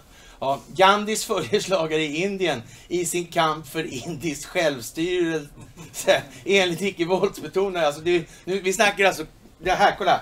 Eh, man är så här, Cecil Rhodes liksom, han var säkert intresserad av indisk självstyrelse i verkligheten. Det var inte så att det här var kapade rörelser på något vis. För att de människor skulle tro att de hade någon. Cecil Rhodes var egentligen en stor filantrop och humanist med sina, de här liksom däcken runt huvudet på folk och de här, alltså föredrog döda negrer framför, jag vet inte vad. Va? Alltså, ja men så. Men det man, man kan väl säga som så att de som vill exploatera allting, de har ju inget emot folk som pre, eh, predikar en icke-våldsprincip, naturligtvis. Och Nu, nu manar jag inte jag till våld eller något. Jag tycker våld, det, det ska man helst undvika. Sådär liksom, va? Men det är ju inte det sämsta Wallenberg tyckte, naturligtvis. Och ha massa människor så här att "Åh, vi tänker inte bråka vad ni än gör. Det. Eller hur? Och, och sen hade han kontroll på styrningen. Mm. Nej, men vad för dumt. Och så ovanpå det här då, då kryddar vi på med, ja men det är den där familjen igen, var inte de här, satt, Varberg inte, satt inte de någonstans? Va? Tysk botanist valdes till ordförande för sionistorganisationen 11 som den fjärde i ordningen. Ja men han var insyltad där också kan man tänka sig. Men vänta nu här. De här gänget hängde ju ihop med Wallenberg och det. Och Warburg, han var med i den här sionistorganisationen då. Är inte det här är ju jättekonstigt. Det verkar som de har liksom spelat bakom ryggen på alla på något vis. Eller misstänkte de aldrig att de... Eller hur gick det till liksom? Hur låter förklaringen till att det ser ut på det här viset? Om det inte är så att de har spelat bakom ryggen på alla hela tiden. Det skulle jag vilja veta. Flyttade till Palestina 1920 för att utveckla agrikulturen där. Jaha! Ja, ja, ja, ja, det kanske han gjorde. Ja, Han var ju ändå botanist. Så. Ja, ja, men jag vet inte. Så kan det ju vara. Jag har Så ingen aning. Så. Jaha, Abdul Hamid däremot. Äntligen en Min bra moral gubbe. har jag fått av... av Hamid. Hamid, ja. ja. Han, var, han tänkte inte sälja sig. Eller landet. Tänkte han inte göra. Om det slumpar sig så så om han får tid, ja precis. Och eh, ja, han hade moral alltså. Han tänkte inte ge sig på det viset. Men de var lite för smarta helt enkelt. Det gick inte att hålla emot. Det blev som det blev på den fronten. Faktiskt. Det får man nog säga. Var det Osmanska rikets 34 och sista sultan fick erbjudande från britterna att sälja just då Palestina, eller vad ska vi säga, ja, den här strategiska förträngningen. Men han, han sa nej då alltså. Han ville inte veta av det och eh, gjorde ansträngningar för att modernisera det Osmanska riket via Rumelijärnvägen Rumeli- och Anatoliska järnvägen och byggandet av Bagdadjärnvägarna. Dessa järnvägar och telegrafsystem utvecklades av tyska företag, orsaksgrunden till första världskriget. Det var liksom inte aktuellt att det skulle vara på det viset. Det skulle, va, det skulle varken vara telegrafstation eller kanske allra minst konkurrerande telefonlinjer och motsvarande. Det var helt enkelt inte att tänka på. Nej. Och, och, och dessutom det här med tullsystemet, alltså britt, eller maritim lag och det här då, då, deras beskattningsrätt. Den skulle ifrågasättas kraftigt. Så kan vi inte ha det. De där skulle sprängas på minuten efter de hade fått igång det där kriget. Och det var så som hände också. Mm. Så fort första världskriget drog igång alltså, så rök järnvägarna som tyskarna byggde. Mm. Swish sa det. Det sa bara det. I grund och botten så handlar det alltså om kontrollen över naturresurser. Och så här har, ser man då i, att det står federal, inte federal, så nu, nu bläddrar vi på här. Längst fram då, och så har vi då, då de gamla vanliga, jag ska säga, det är Warburg, William, Williams och sådär, men Delano då. Och så en stor grupp politiker och bankirer. De är liksom med här och sen så Skottet i Sarajevo förmodligen. Ja, och skottet i Sarajevo var ju naturligtvis vad det var. Det tror jag nästan alla fattar. Och eh, första världskriget handlar med andra ord inte om några fällda skott i Sarajevo utan utgjorde endast en gnista som behövdes för dessa anglo-sionistiska finansiella intressen att starta kriget med syfte att stycka upp det ottomanska riket enligt Sykes-Picot-avtalet och Balfourdeklarationen för i sann kolonialväldesanda kunna slå lås kring transportvägarna för strategiska naturresurser från Afrika och Mellanöstern. På så vis även i fortsättningen kunna exploatera hela världen. Men det tror jag ni har fattat vid det här laget. Det vill säga, vi kommer ju tillbaka till samma sak hela tiden. Ja, och sen så tar vi väl lite då så här Sykes-Picot och Det har vi tjatat om. Mark Sykes. Ja, brittisk diplomat anställd som honorär attaché i Konstantinopel, ledde bataljon frivilliga som verkade definitivt för som brittiska emissarie i Kaukasus, eller Kaukasien. Ledde de hemliga förhandlingarna för brittisk räkning i det som skulle bli känt som Sykes-Picot-avtalet redan 1916. Och sen började ju den här ryska revolutionen 17 och det som händer när den här ryska revolutionen är, då är ju då Lenin förgiftad men han har inte dött än och han lyckas alltså skriva på det här då. Och då är det okej för den, med den här uppdelningen och Ryssland eller då Sovjetunionen säger ja till det här. Och, men det var inte ett dugg kontrollerat och beräknat och planerat. Ingenting alls av det här. Det bara blev så här ändå. Kan man tro kanske eller inte. Jaha, och så har vi PK i det här då, då som sagt. Och det har vi redan varit inne på. Diplomat. Och ledde de hemliga förhandlingarna för fransk räkning i det som skulle bli känt som sagt PK-avtalet. Jag har redan nämnt det här tio gånger nu utsåg till högkommissarie i Palestina och Syrien då mellan 17 och 19. Så föredrog taktiken härska inom söndring. Det har jag sagt allting. Och eh, ja, Mr Balfour och Rothschild. Och här kan man säga så här. Här är sagan om Rothschild död och begraven. Det här är inte att verka utan synas dyka upp i pressen. På det här viset. Och klä skott, och klä för alltihopa. Så är det inte. Så fungerar det inte. Inte ens då alltså. Det var liksom, ja, han fick klä skott helt enkelt. Så enkelt var det med den saken. Och jag menar, det är ju fortfarande inte många turkar som har klart för sig vem fan PK var. Och inga armenier heller har klart för sig det. Trots att det var han som ställde till hela skiten som de grälar om. Och de vet ju fan att, inte att karln har funnits ens. Så illa är det, så vi behöver ju inte bara tycka vi är helt hopplösa med allting. Det finns lite hopplöshet här och var på jorden skulle man kunna säga. Så, Ja. Balfour-deklarationen, det skiter vi snart snackat mycket Ja, Milner då. då. Ja. Medförfattare och ingick i samma intressesfält som Cecil Rhodes. Då, och, och, om man nu är med och ställer till de här grejerna med Cecil Rhodes, ja men då har man en typ av åskådning på tillvaron som är som den är lite grann då kan man säga.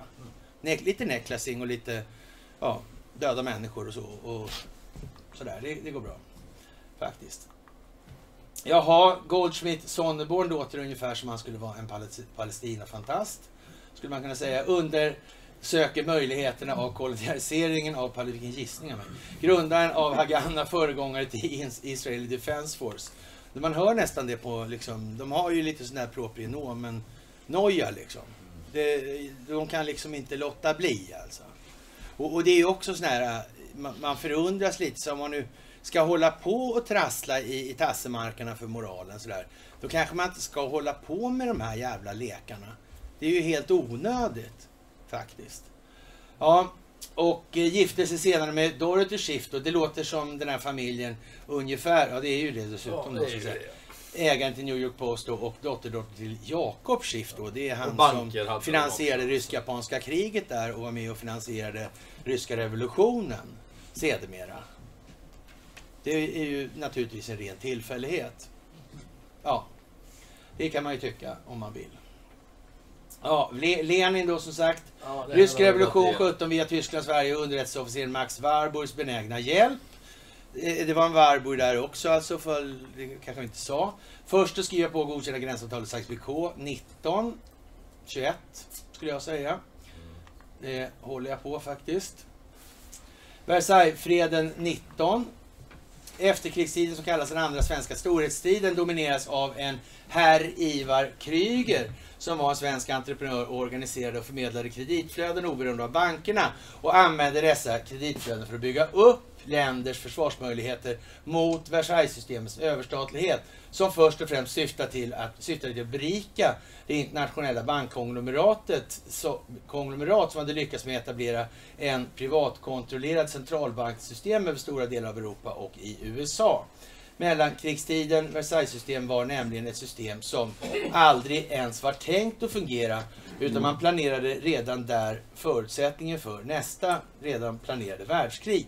Vilket bör få alla att fundera lite på den innebördsmässiga betydelsen av ordet planeringshorisont. Hur långt planerar man här? Ja, det är ju inte bara fyraårscykler i alla fall, det är helt uppenbart. Lite till sträcker man på sig faktiskt. En vecka eller två kanske. Sådär.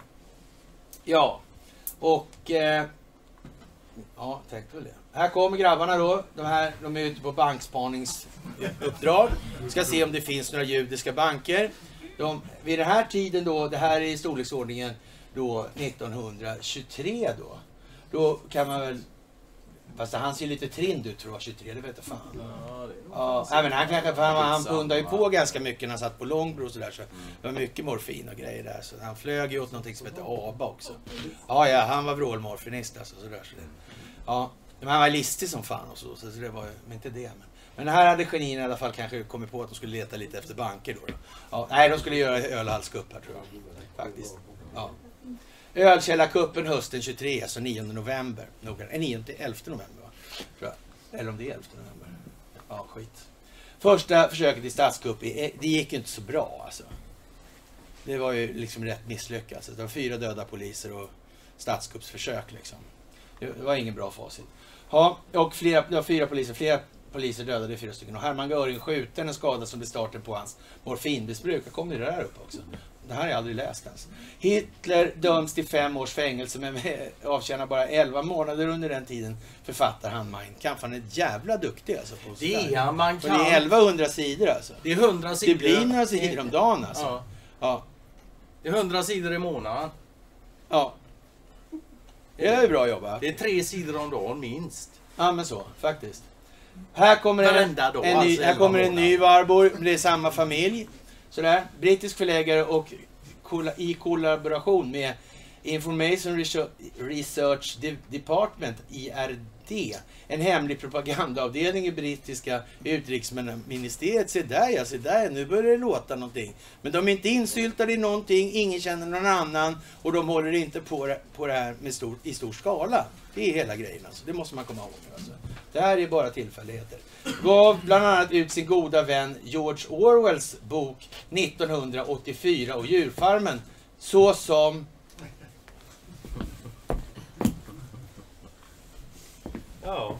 Men, men ingen kände någon annan. De gick inte bakom ryggen på alla. Nej, nej, nej. Så var det inte. Är inte det konstigt? Var inte hans familj, var inte de som skulle få banken snodd av den där lilla killen med mustaschen? Det är, ju, det, inte det här, är det inte konstigt? Hur kan det möjligen tänkas sitta ihop? Kan det möjligen vara som vi säger? Eller är det någon som har en bättre idé om hur det här ser ut? Nej, inte ens på hela jorden faktiskt. Inte en chans att det är någon som har bättre idé om vad det här är. Emil Warburg, det tycks finnas fler också dessutom. Det tycks vara som den här Wallenberg-dynastin liksom. Det tycks krylla av dem liksom, vad det lider. Ja, visst, eller hur? Ordinarie professor och ledamot av The Rockefeller Foundation finansierade Kaiser Wilhelm-institutet. Jaha, vänta nu ska vi tänka efter här. Kaiser Wilhelm-institutet, vad är det för någonting? Det var inte det sån här rasgrej, va? Det var det, va? Eugeniken. Det var någonting som grundades på något som hette Harrimans Eugenics Congress 1932. Den 16 till 23 augusti. Faktiskt. Där skrevs alltså vad som hände där. Det skrevs ner om en gubbe som hette Ernst Rudin. Och det blev nazisternas rasideologiska manifest. Fantastiskt. Ja, det var finansierat av någon som hette Warburg. Var det inte hans släktingar som satt där och, och, och skulle få banken arresterad? Ja, men det här är ju jävligt märkligt alltså. Det verkar, liksom på, det verkar ju jätteriggat det här på något vis. Det verkar vara rena teatern och ingenting annat. Ja, ja. Mm. Och det här Kaiser Wilhelm-institutet, det var ju en kopia av någonting annat. Som kom någon annanstans ifrån. Som bildades 1921. Lite norr om Svenska rasideologiska institutet vid Uppsala universitet. Tänka sig! En tillfällighet. Bara så där blev det så. Det var väl konstigt? Det hade man aldrig kunnat gissa på. Eller rättare sagt, det kunde man gissa på på en sekund. Ja. Under hans ledning skapades bland annat senapsgasen. Även om kärnklyvningen av Otto Hahn och Lise Meitner är de mest kända upptäckterna. Men han verkar ha gjort en del bra saker alltså. I så fall. Senapsgasen också. Den har ni hört talas om, att den gör ju mycket nytta till mycket. Den slår ju däcken till och med. Ja, faktiskt, kan man säga. Satt i ledningen för Kungliga Vetenskaps och Vitterhetssamhället i Göteborg. Ja, så pratar han svenska i alla fall. Ja, men som det kan bli, ja. Ja då, ja Visste då. man inte att det var dåligt Samma innan, så familjen fick man just pratar kvitto svenska. på det där. Men det var väl förargligt? Va? Det måste man väl säga. Ja, ja, ja. Tillsammans med sin släkting Karl Borg. Ja, men ser man på ja. Som alltså satt med Wallenberg i regeringen. Ja. Jaha. Men eh, ingen kände någon annan. Inte en enda. Någonstans. Nej, nej, men då så. Då vet vi ju det. Felix Sommary. Nu kommer det. Banksystemet i Wien och Berlin måste saneras. Alltså, det, egentligen är det så här att det, det tyska banksystemet måste reformeras till IG Farbens fördel. Egentligen så här. Och ordförande för kommittén för det tyska bankväsendets reformering, den hette faktiskt Marcus Laurentius Wallenberg. Hette han. Den där alltså. Han hette Marcus Laurentius Wallenberg. Och han satt i varenda viktig kommitté i de här sammanhangen med Tyskland. Och det kan man ju säga var lite bra för då bestämde ju han allting hela tiden. Det var ju jättepraktiskt. Det engelska pundet måste lösa sig från guldet så att skuld och valutaexpansion inte bromsas av tillgången på guld. Och svensken Ivar Krygers tändsticksmonopol måste brytas samman. Och då är det, frågan är ju det här då. Hur kommer det sig att han vet att de här tre händelserna kommer att inträffa när han får frågan? Han har fått frågan 31. Han svarar på det sättet. Det här, de här tre sakerna måste hända. Ja. Han får samma fråga precis efter årsskiftet 32. Och då har inget av det hänt. Men han fasthåller, det kommer att hända alldeles snart. Och sen händer det. Har man sett. Hur kunde han veta det där? Det var ju konstigt. Vilken tur han hade. Han var bankir från Schweiz, jag vet inte om du Ja. sa det. Ja, det. kan det ha med saken att göra? Och känd nationalekonom. Så. Han fick ingen Nobelpris vad vi vet. Nej, nej, nej, nej, precis. Här är Adolf Hitler. Det här blir spännande. Nu ska vi undra vad som kommer nu.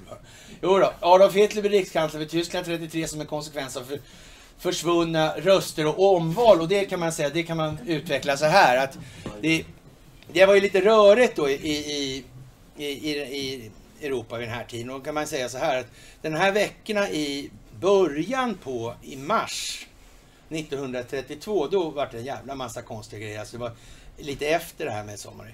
Och då var det ju så här att de ordförande för Bank of International Settlement som hade bildats 31, det var ju en fransk premiärminister som hette Aristide Briand.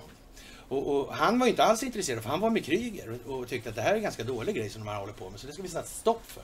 Ja, helt enkelt. Men det gick så här lite dåligt med hans idéer för därför han, han dog liksom då, Aristide Briand, premiärministern där. Och det var ju lite förargligt.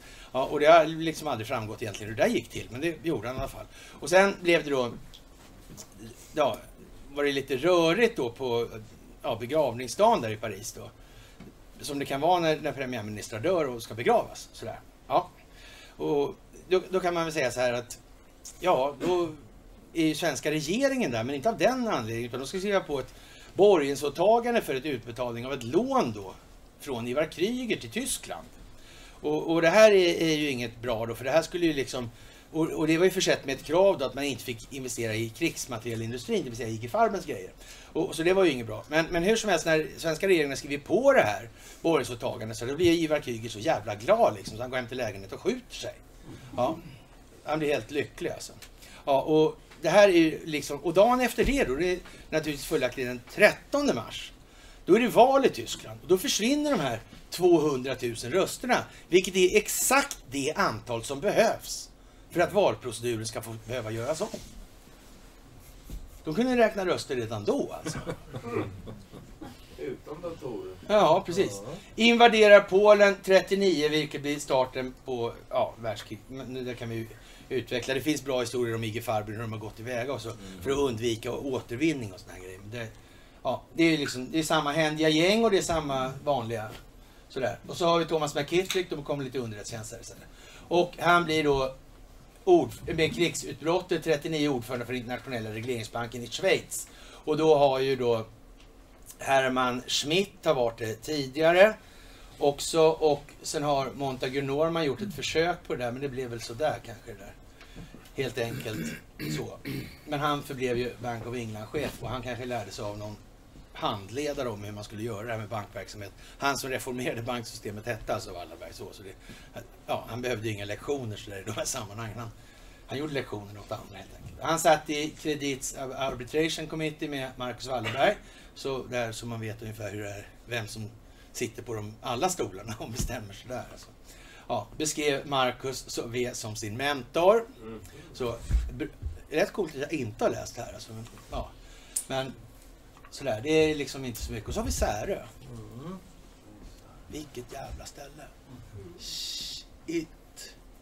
Där visste man om tyskarnas anfall mot Sovjet innan tyskarna själv visste om det i princip. Jaha, ja, ja. Helmut Ternberg, ja. ja. Där har det hållits på, ja. På bild. Beatrice Wallenberg, född Keiler. Alexandra Bildt, född Keiler. Carl Bildt den äldre, farbror till före detta statsminister Carl Bildt. Mary Weinburg och Dagmar Leon och Harry Keiler. Jaha, ja, se där ja. Särö har sedan mitten av 1800-talet varit populärt tillhåll för Sveriges societet. Såsom familjerna Wallenberg, Broström, Gustav V, von Rosen, Prytz, Bildt, Elof Hansson, ja och så vidare. Det är sjöexport och så vidare och det är lite Dickinson och sådana här grejer. Alltså det är, ja, samma hedliga gäng allihopa. Sjöexport är... Nej, inte mycket. Dan Brod, nu är vi på din hemmaplan Conny. Nu får höra, jag tänker inte bläddra, berätta. Jag kan ingenting om Ja, Broström. svensk skeppsredare och politiker, liberal, övertog ledningen av Broströmkoncernen från sin far. Kan väl visst det. Östasiatiske, ostasiat kallas för. Då. Kompani grundades 1898, bankdirektör K.A. Wallenberg samt vice häradshövdingen Marcus, jag tror det är 1904 i och för sig. Men det får han väl hållas med då. Ja, häradshövdingen Marcus Wallenberg var tidig i kontakt med det danska bolaget för att främja den, det stämmer. Den främjar den svenska exporten till Ostasien. K.A. Wallenberg tog, Knut Agaton Wallenberg, tog 1906 kontakt med chefsredare Dan Boström, Göteborg, som genast fastnade intresse för projektet och sedermera blev då VD för det här. Men då kan man säga så här, det tror väl fan det, när de har brorsan borta i Asien som den första diplomaten som just har skrivit avtalet, eller efter den här bildningen, skriver det här avtalet. Han kände väl till att han skulle skriva avtalet. Vilken makalös förvåning de måste ha upplevt när det här blev en handelssuccé, det här bolaget. De hade inte alls riggat för att det skulle bli så här överhuvudtaget. Det hade de verkligen inte gjort. Det bara blev så ändå helt enkelt. Han chansade och sköt från höften. Ja, men eller hur? Faktiskt. Det där, och det blir väl ja, Björn G. Prytz, det här har med Norge att göra. Svensk industriman och riksdagsledamot. Han, inte det. Under året 1914 till 18 var han chef för SKFs amerikanska, nej det är inte. Dotterbolag SKF och eh, ad, S, Administrative Company Hartford Connecticut. Innan han utsåg 1919 till VD för moderbolaget efter Sven Winkvist. 19 vet fan hur det stämmer inte. För Winkvist hade monopol på all kullagertillverkning och försäljning inom hela naziockuperade zonen och det är en stund efter 1919 garanterat. Men i och för sig kan Winkvist ha stått kvar. Och Winkvist är alltså han som uppfann det självregler- svenska självreglerande kullagret och utifrån den uppfinningen så utvecklar man då Jag rullar då, Volvo, som man startar i Gammelstadens fabriker. Och Winkvist var, fick ju klä skott för att vara värsta nazistgangstern förstås. För det var ju några andra som inte tänkte göra det helt enkelt. Och Winkvist hade liksom inga muskler att hålla emot i den där svängen. Han var liksom inte på den banan, han var ingenjör liksom. Det var inte mer än så. Verksam inom SKF såsom Sveriges sändebud i London under världskriget och som liberal riksdagsman. Det var ju ovanligt, han satt i samma gäng alltså. Ja, han hängde på Särö. Festlig formulering. Och snacka med Marcus. Ja. Hugo von Rosen häremot, nu börjar det bli lite järnvägar och sån här skit. Alltså. Ja, direktör för amerikanska SKF under världskriget och hade nära band till Hermann Göring som genom hans äktenskap med Karin von Kantzow ansågs vara familj. Alltså det är familjen von Rosen och von Kantzow. Det är nere på Vikbolandet här. Och eh, ja, han den här lilla som var inne här i judodräkten. Han, han var liksom speciell när han var ung sådär. Alltså. Det var min, min son alltså. Och han var väl och hälsade på där då på det här, ja vad man nu ska kalla det, jag ska inte säga det för att föregå blitzen liksom. I alla fall, det är ett stort, stort hus, alltså det är ett slott. Sådär. Och in stegar Alexander då så. Och ja, Gustaf von Kantzow han kommer fram, ja god dag, god dag säger han. Han, han är en verserad unge sådär, så det är inte det. Ja, god dag Karl Alexander Norberg säger han så här. Ja vilket fint hus, säger Alexander. Ja, ja, det är lite stort för oss två, säger han så här. Nej, det tror jag inte. Det är ett väldigt fint äldreboende.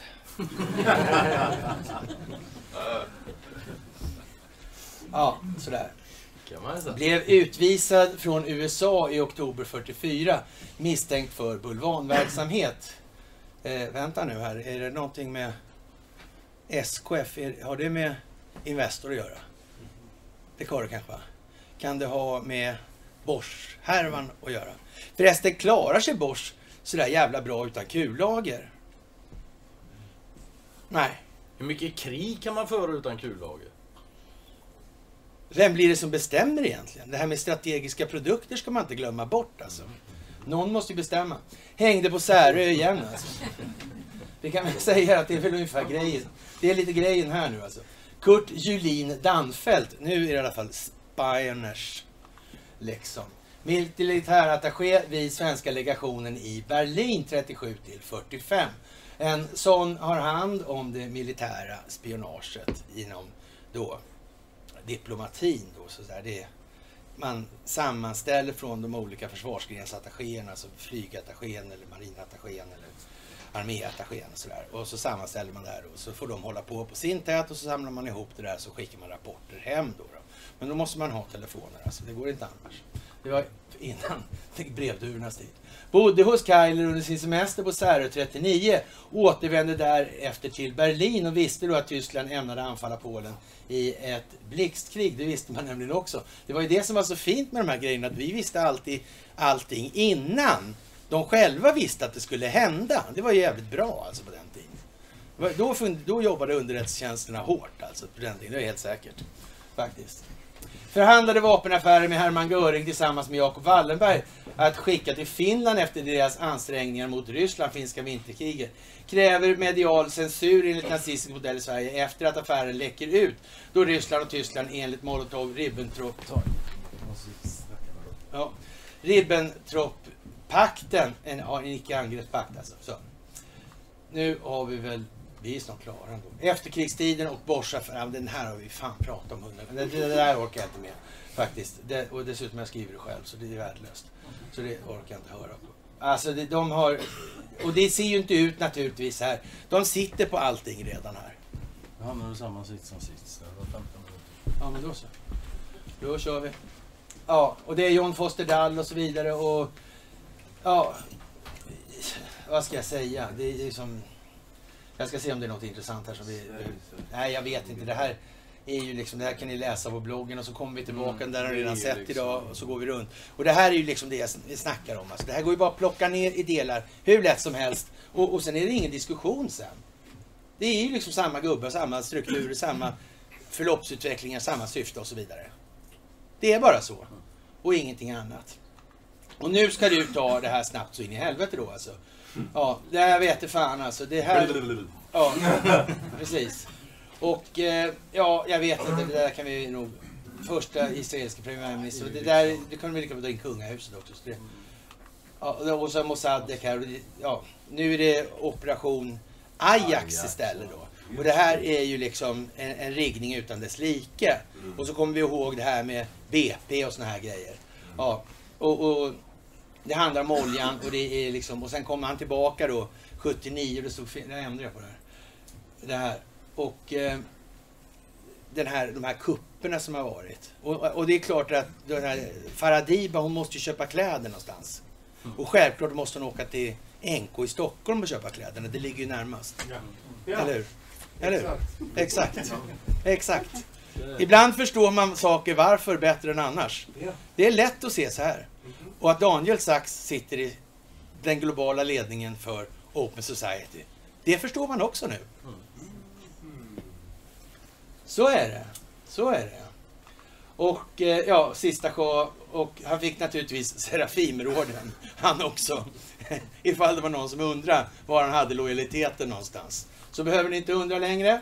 Och så han blev han inbjuden till Council of Foreign Relations 49. Han presenterade sig som en hängiven demokrat som omfattade progressiva idéer och att han inte sökte mer makt än den som svenska kungen förfogade över. Okej, och hur var det med den efter 1809? Den var Som nada.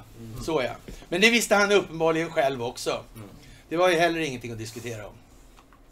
Och eh, ja, men så kan man ju plocka, och så Kermit Roosevelt då naturligtvis. Spion inom OSS och eh, under Allan Dahls ledning han som fick sparken och sen fick leda utredningen på mordet av Kennedy. Ja, som han själv var med och riggade naturligtvis. Ja, Operation Ajax Stolta, och tillsätta showen, sonson till Theodor Roosevelt och så vidare. Och här har vi honom själv då. Karl-Henrik Svanberg, BP. Det är vad det är. Och eh, vad ska vi säga? We care about the small people. Ja. Han tänkte, jag ska hålla lite presskonferens. Jag ringer till Vita huset och säger, jag tar gräsmattan på tisdag. Är det för många här som ringer till Vita huset och säger, jag får låna gräsmattan? Var, hur kommer det sig att någon kan göra det överhuvudtaget? Ja, men var det med den där skylten? Stod det någonting med White House Dinner där? Tror jag. Kopplat till Waldemar. Gjorde det inte det? Jo, det gjorde det. 2016 år var med, så ja. ja. Men det betyder ingenting.